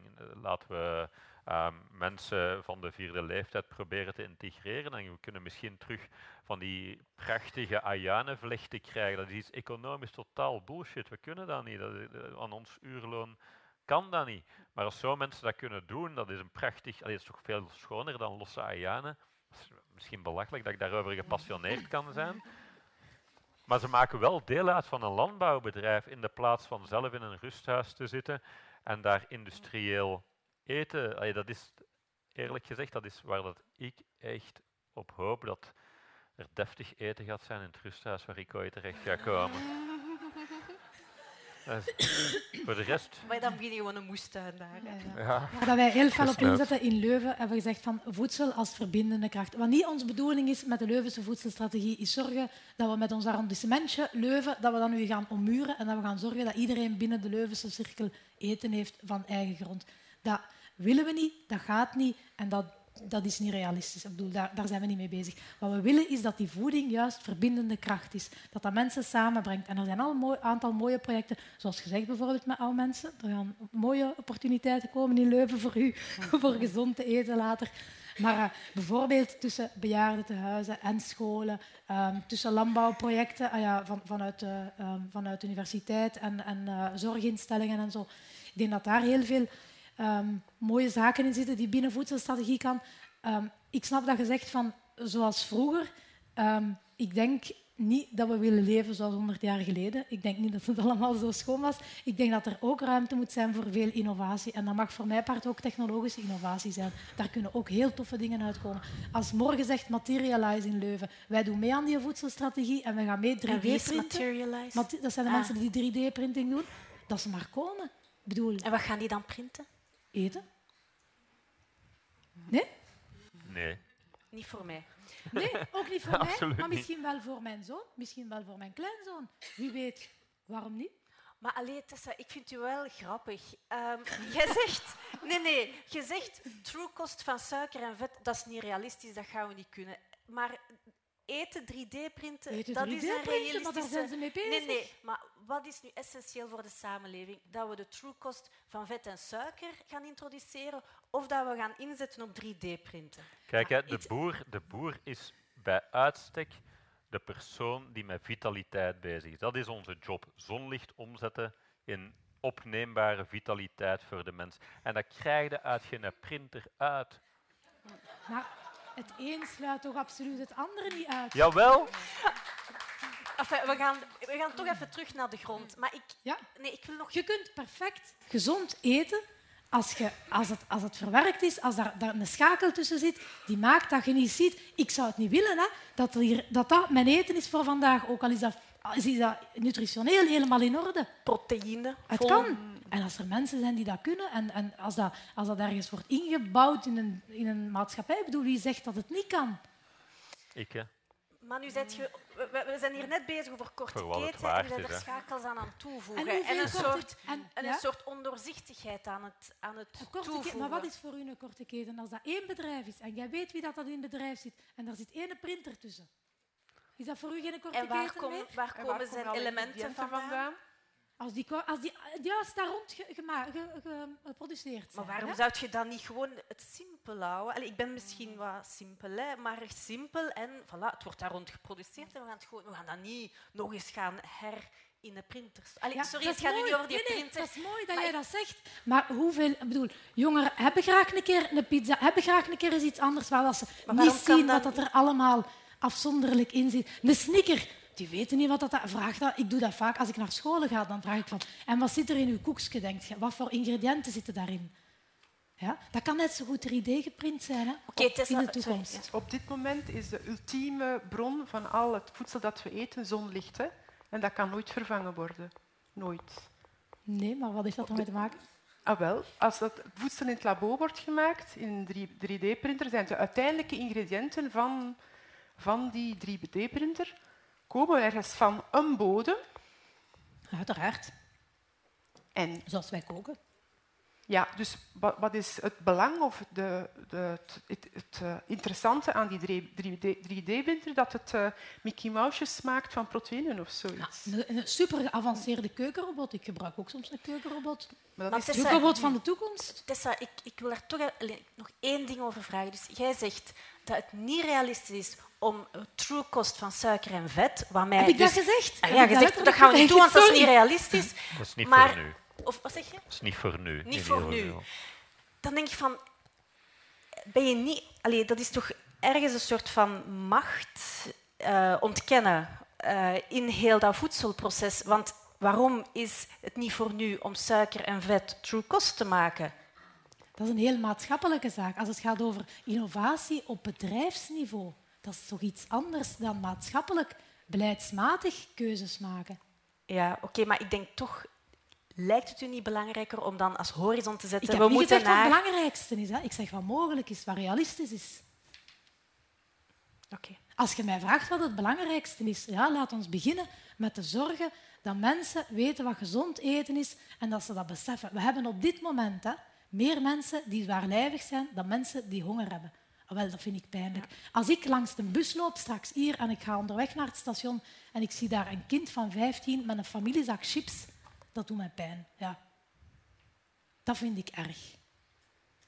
En dat is geen honger, hè. Dat is een, een heel ander maatschappelijk ingebed probleem en dat moet je beleidsmatig oplossen. Niet ideologisch. Maar dat zou ook opgelost zijn met true cost van vet en suiker. Ja, en schrijf jij daar eens een beleid rond? Ja, maar... Ik ga even terug naar de grond. Allee, en dat gaat eigenlijk een beetje het, het slotstuk zijn. Je hebt het er al even over gezegd, hè? koolstoflandbouw en eigenlijk de mogelijkheid van landbouw om net die koolstof te capteren. Ehm, in Groot-Brittannië ligt er nu een wetvoorstel klaar om eigenlijk de gezondheid van de bodem als nieuwe norm voor het boeren eh, naar voren te schuiven. Is dat dan een interessante, omdat we het nu toch even over beleid hebben, een interessante en zinvolle beleidsmaatregel? Ik ken de maatregel niet juist, maar het klinkt interessant uh, om het nader te bekijken. En, allee, ik heb mij ook laten vertellen, ik heb wat vrienden in Engeland, um, dat er daar heel wat aan het gebeuren is. Um, dat de brexit dan toch voor iets nog goed is. Uh, ik heb het daarnet heel voorzichtig gedacht. Hun landbouwbeleid lijkt een interessante richting uit te gaan. Ja. Alleen toch meer kijkende naar het gezonde van die bodem en daarop uh, Ja, de bodems in Vlaanderen, ze moesten er echt gewoon geld bij geven uh, voordat je hem als boer mocht aannemen eigenlijk. Dus, uh, en daarom dat ik er straks tijdens mijn inleiding ook zei van we hebben het echt moeilijk met die oude graanvariëteiten er te krijgen, omdat die niet groeien in beton. Um, ja, de, vroeger was er gewoon meer humus en die zijn daarop geselecteerd. En um, die laten zich niet opjagen door stikstof. Um, dus het, het, is een heel lang verhaal, een heel ruim verhaal. En oké, die brengen maar 2, 3 ton per hectare op, terwijl een modern ras 8, 9 ton zou kunnen zijn. Maar als je naar de voedingswaarde gaat kijken, dan, dan, dan komt, of naar smaak, allee, dan, dan zijn die oude rassen toch wel heel interessant. Um, dus alles hangt met alles samen. Als het gaat over hoeveel moeten we uh, spuiten tegen ziektes en plagen. Een gezonde bodem, dat is bruin brood voor de planten. Hè. Daar moet ze op kou. Dat is, dat is moeilijker dan gewoon een infuus van uh, vloeibare stikstof. En, en het is zo dat we ons planten moeten gezond houden. Biologisch hebben we geen andere keus.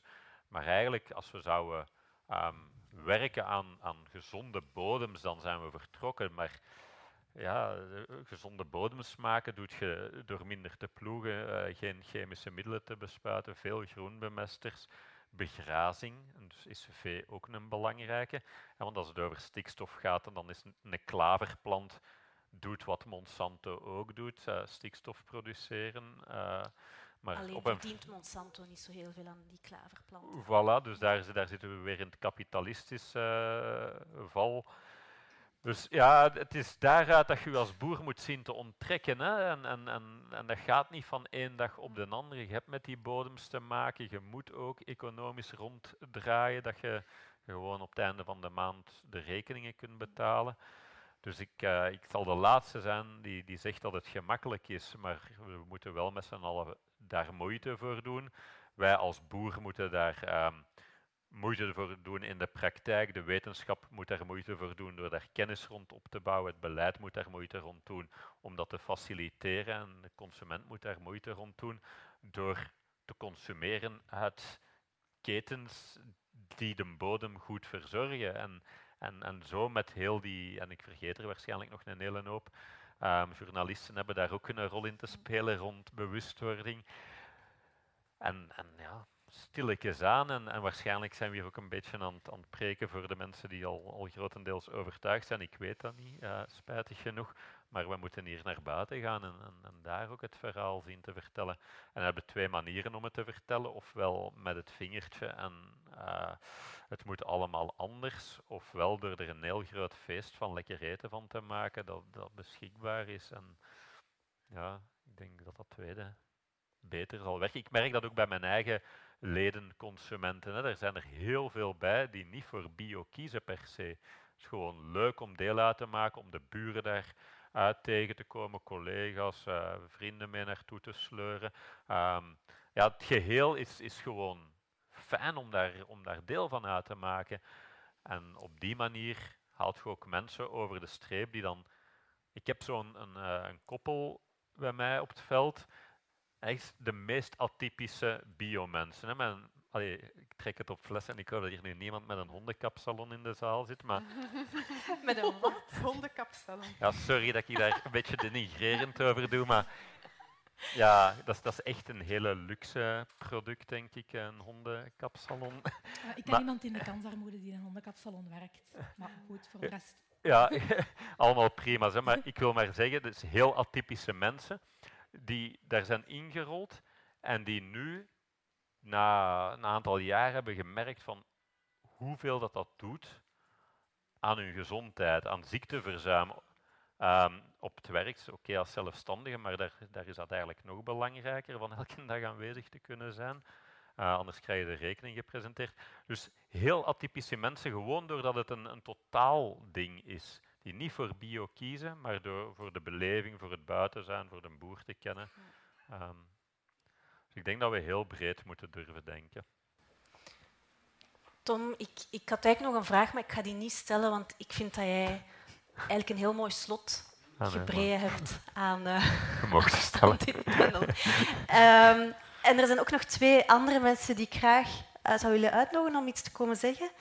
Um, dat is uh, Thibaut Gerardijn van Ricolto en Suzy Sterneels van Broederlijk Delen, omdat dat twee organisaties zijn um, ja, die lid zijn van uh, de VZ2 Wereldmediahuis, die achter Mo staat.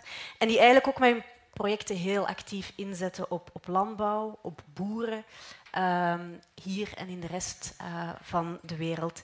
Uh, misschien Thibaut? Jij eerst, dus Thibaut van um, Ricolto. En daarna is er nog tijd voor ah, vragen. Uh, goedenavond, ik ben Thibaut van Gezocht Voedsel voor de Toekomst van bij Ricolto. voordien bekend als Vredeseilanden. Um, en zoals uit het gesprek is gebleken, staan we voor heel wat uitdagingen om de wereld te voeden en te blijven voeden. Um, en dat gaat over veranderende voedselpatronen tot jongeren terug warm maken voor um, landbouw en voeding. En de antwoord daarop is, is, niet gemakkelijk, zoals ook hieruit blijkt. maar wat willen wij doen als gezocht voedsel voor de toekomst, is bijdragen aan het debat en, en aan die zoektocht. Um, en het woord gezocht is daarbij heel belangrijk. Maar we willen echt vanuit de praktijk dingen proberen, experimenteren en zo bijdragen. Wat dat direct bleek is dat, dat niet, je kan dat niet alleen doen. we hebben iedereen nodig daarin. Dus werken we samen met heel wat verschillende partners. En die kan je ook zien daar. Um, het is eigenlijk een co-creatie van universiteit, beleid, een NGO, een privébedrijf um, en nog een hogeschool. Um, en samen werken we vanuit ons eigen perspectief aan een gemeenschappelijk doel.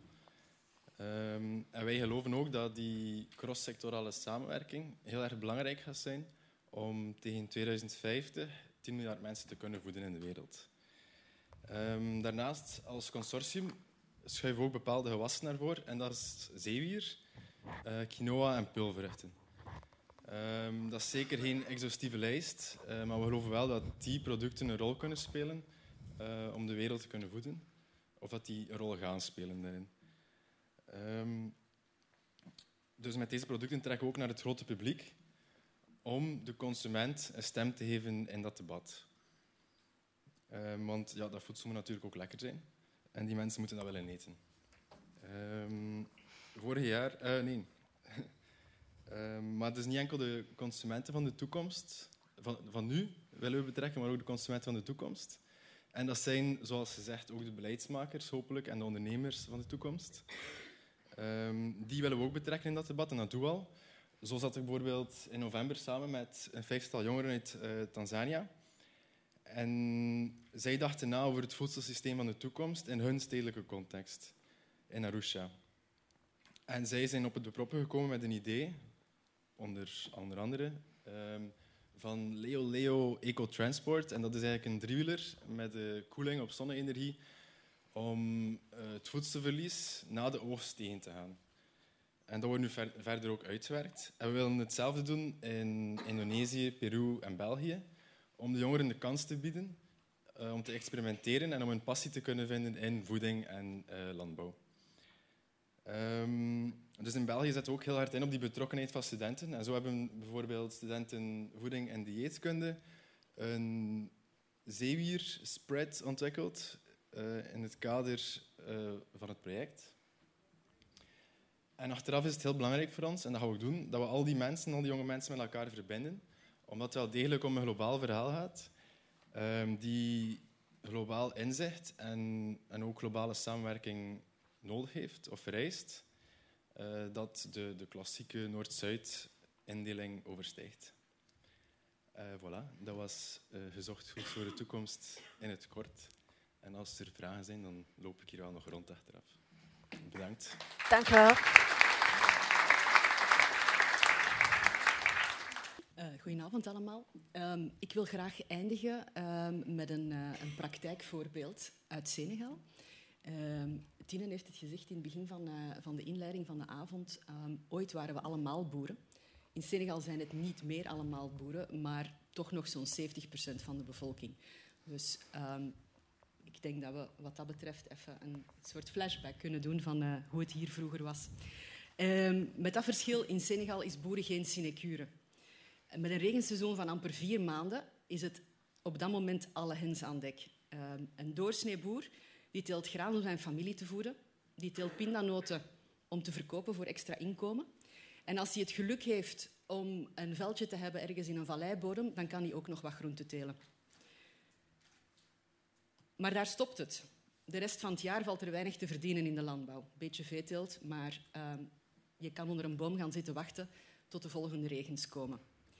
Om toch een, een uh, menswaardig inkomen te halen uit de landbouw, gaan boeren dan op zoek naar andere manieren om hun activiteiten te diversifiëren. Als er water beschikbaar is, dan is tuinbouw een interessante optie. Denk niet aan eindeloze uh, glazen serres, uh, maar schoon omheinde vuiltjes uh, met waterputten op. Met Broederlijk Delen ondersteunen wij zo'n 4000 boeren die aan tuinbouw doen overgrote deel van die boeren zijn vrouwen. En die werken op gemeenschappelijke tuinen om hun families en hun dorpen te voorzien van verse groenten. Die groenten die worden ecologisch geteeld, met aandacht voor teeltrotatie, natuurlijke gewasbestrijdingsmethoden en veel zorg voor de bodem. Ze gebruiken dierlijke mest. Er worden agroforestry-technieken toegepast hè, om, bodem, uh, om met stikstof fixerende bomen, om uh, die bodemvruchtbaarheid hè, van de vaak uitgeputte bodems toch enigszins terug op peil te brengen. Op testperceeltjes worden nieuwe technieken of teelten uitgetest. En de gewascyclus wordt bestudeerd om er uit de praktijk uh, uit te leren. Heel belangrijk, al die velden zijn eigendom van de tuinbouwgroepen. Dat is nodig om de basisinvesteringen veilig te stellen en ook om boeren aan te moedigen om op lange termijn te denken en om op lange termijn die bodem en die vegetatie te herstellen en te beschermen. En Broederlijk Delen maakt hier dan ook het recht op grond voor vrouwen in Senegal uh, bespreekbaar. Dat is geen evidentie. We helpen organisaties die die vrouwen begeleiden om een grondtitel te krijgen op hun eigen naam.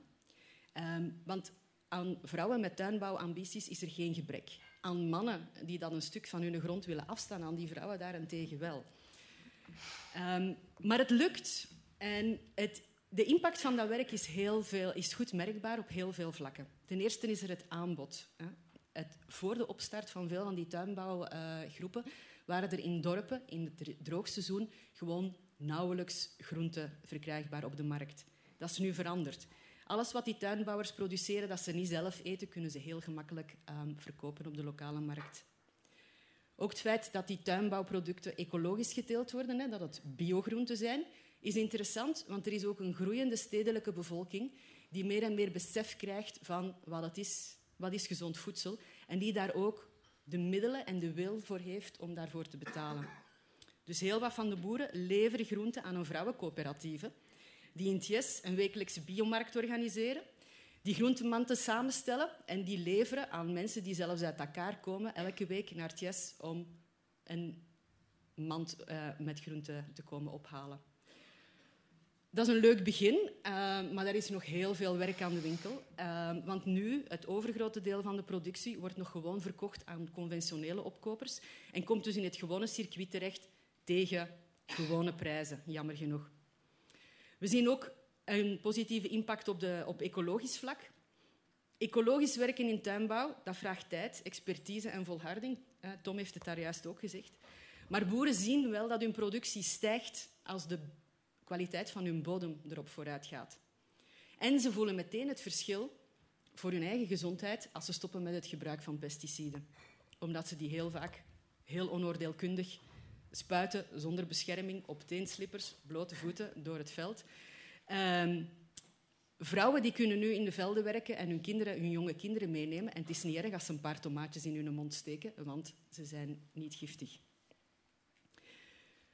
Een vrouw kan op een, op een veldje van een vijftal, van een vijftal aren gemakkelijk 100.000 francs CFA netto verdienen op een seizoen.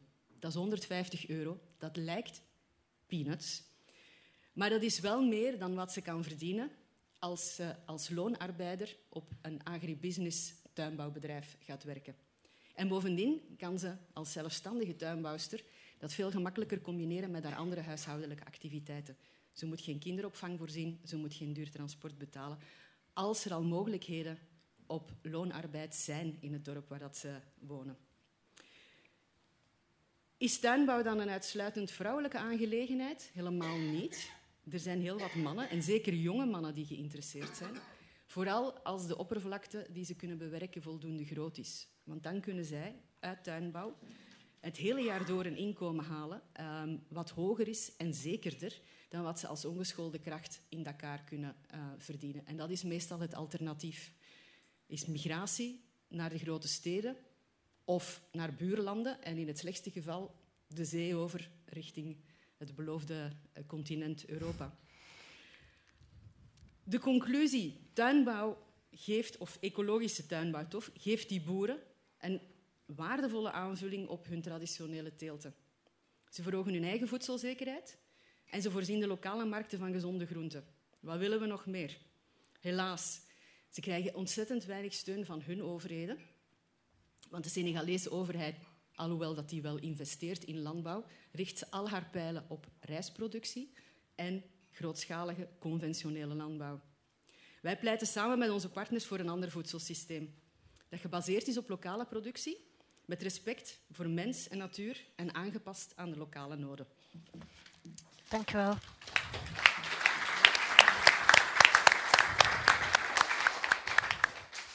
Dank u. Ik denk dat het een prachtig voorbeeld is van hoe dat eigenlijk wat we zitten bespreken hebben zich kan verspreiden over, of zich al verspreidt uh, over de rest van de wereld.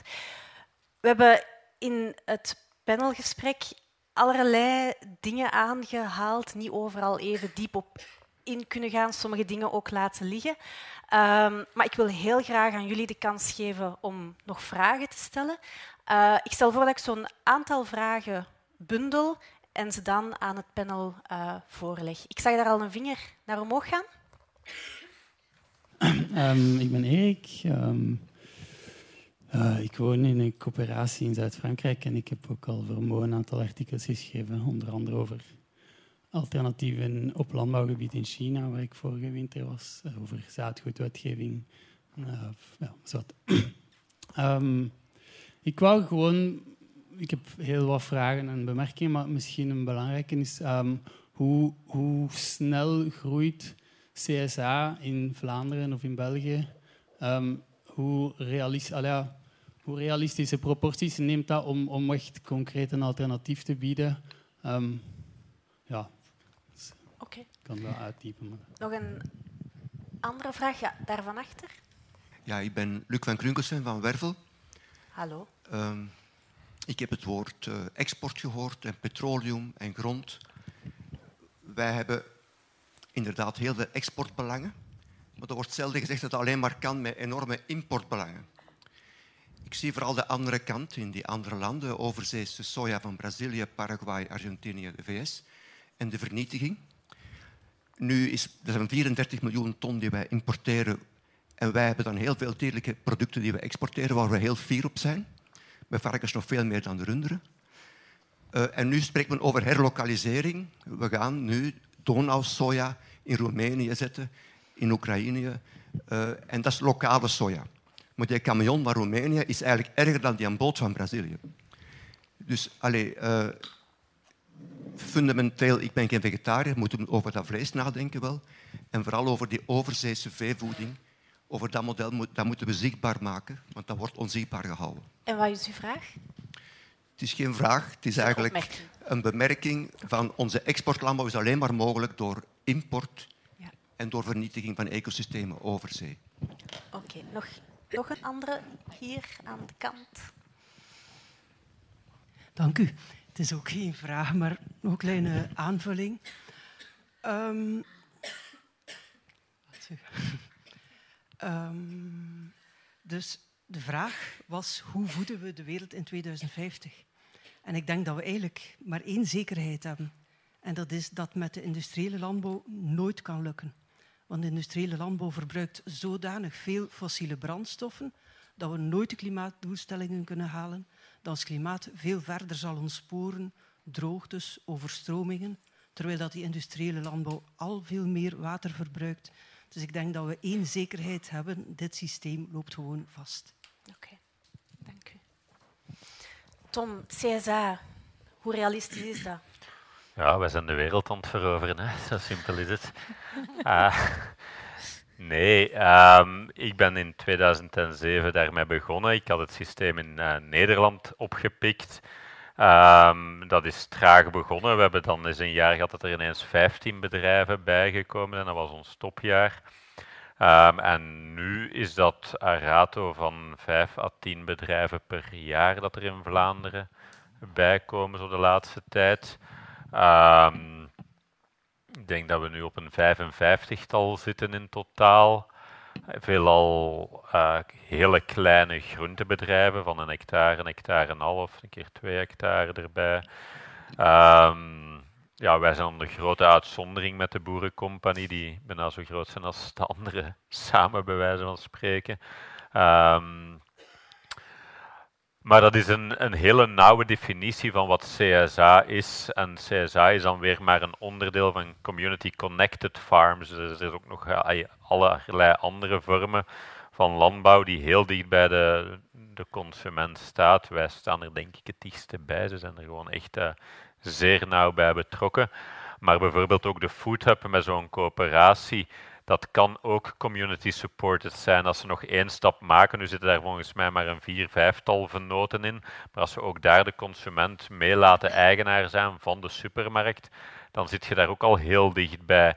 De landgenoten is ook een vorm van community supported agriculture. Culture. Dat is dan niet door voorfinanciering van een seizoen, maar door financiering van de grond onder die landbouw. Dat is ook ondersteuning van landbouw door de consument. Het hangt een beetje af van hoe nauw je de definitie pakt, maar het is gestaag groeiende.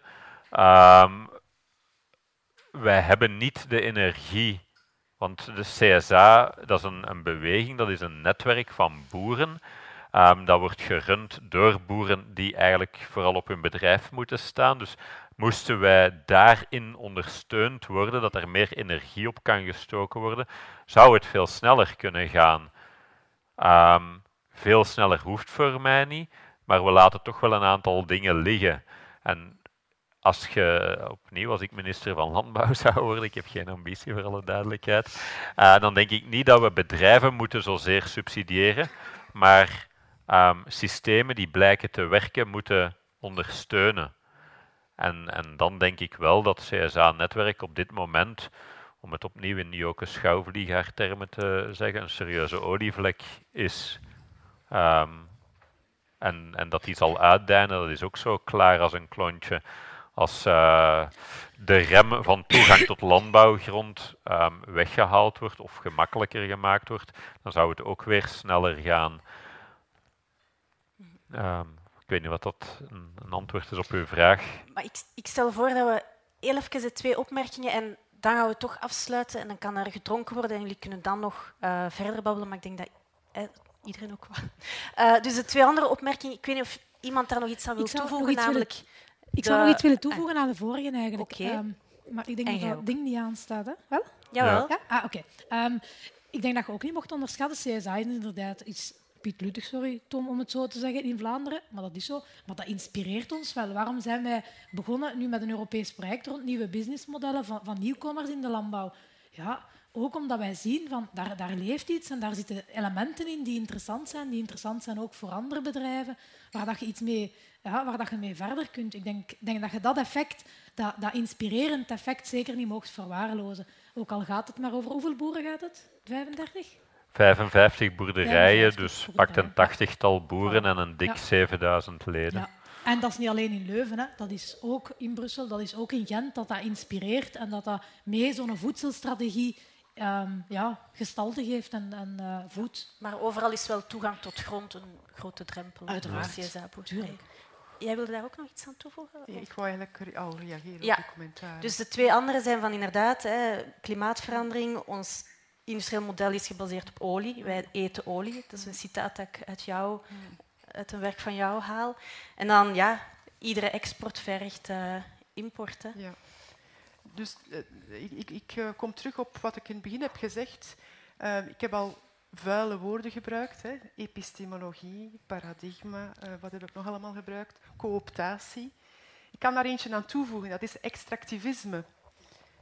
De twee commentaren gaan daarop in. Dus eh, zolang we blijven doordenken in een extractivistisch model van de economie, zitten we op dat pad naar niks. We moeten daar vanaf op een of andere manier. En ik denk dat Tom gelijk heeft als hij zegt van we vermoeien ons do- door te denken dat we het op beleidsniveau, zowel eh, nationaal, Europees als internationaal, dat we daar moeten gaan vechten om, om, om, om, om daar ons gelijk te krijgen. Want daar zie, daar zie je wat er gebeurt. Een collisie tussen staten en grote industriële spelers. Het moet van onderaf groeien. En omdat het zo leuk is, omdat het zo fijn is om die dialogen aan te gaan, om weer de handen in de grond te steken, om dingen te doen manueel, om daar eigenlijk een soort van therape- therapeutisch genot van te hebben, lukt het. En dat is waarom er zo'n olievlekbeweging aan de gang is. En het lijkt marginaal. En dan wordt heel vaak gezegd, oh, het is marginaal, dus we, schenken er geen aandacht aan. Maar de suffragettes van 100 jaar geleden waren ook marginaal. Ooit. En toch hebben stemrecht gekregen. Er was veel marginaal wat we nu normaal vinden. En, ik wil, en dat gaat mijn slot zijn. Ehm, onlangs ook twee mensen geïnterviewd en die zeiden precies hetzelfde. Van, kijk, iedere verandering begint uiteindelijk in de marge. En er is dat typisch citaat hè, van eerst lachen ze met u, wat is het allemaal? Hè, en dan proberen ze u te verhinderen of zo. Maar uiteindelijk wint je. Allee, het gaat daarover. Hè. Uiteindelijk wint je. Ehm, voilà, ik wil jullie heel erg danken, Tom, Tessa, eh, Marjolein, voor jullie inbreng en jullie op- opmerkingen, jullie kennis. Ehm geef ze een geweldig eh, applaus. Ik wil jullie ook bedanken voor jullie aandacht. Ehm, er is iets om te drinken. Ik zou zeggen, blijf nog even hangen. Praat nog na. Ik denk dat er heel veel stof ehm, tot napraten is, want we hebben heel veel dingen maar heel even kunnen aanraken. Dank u wel.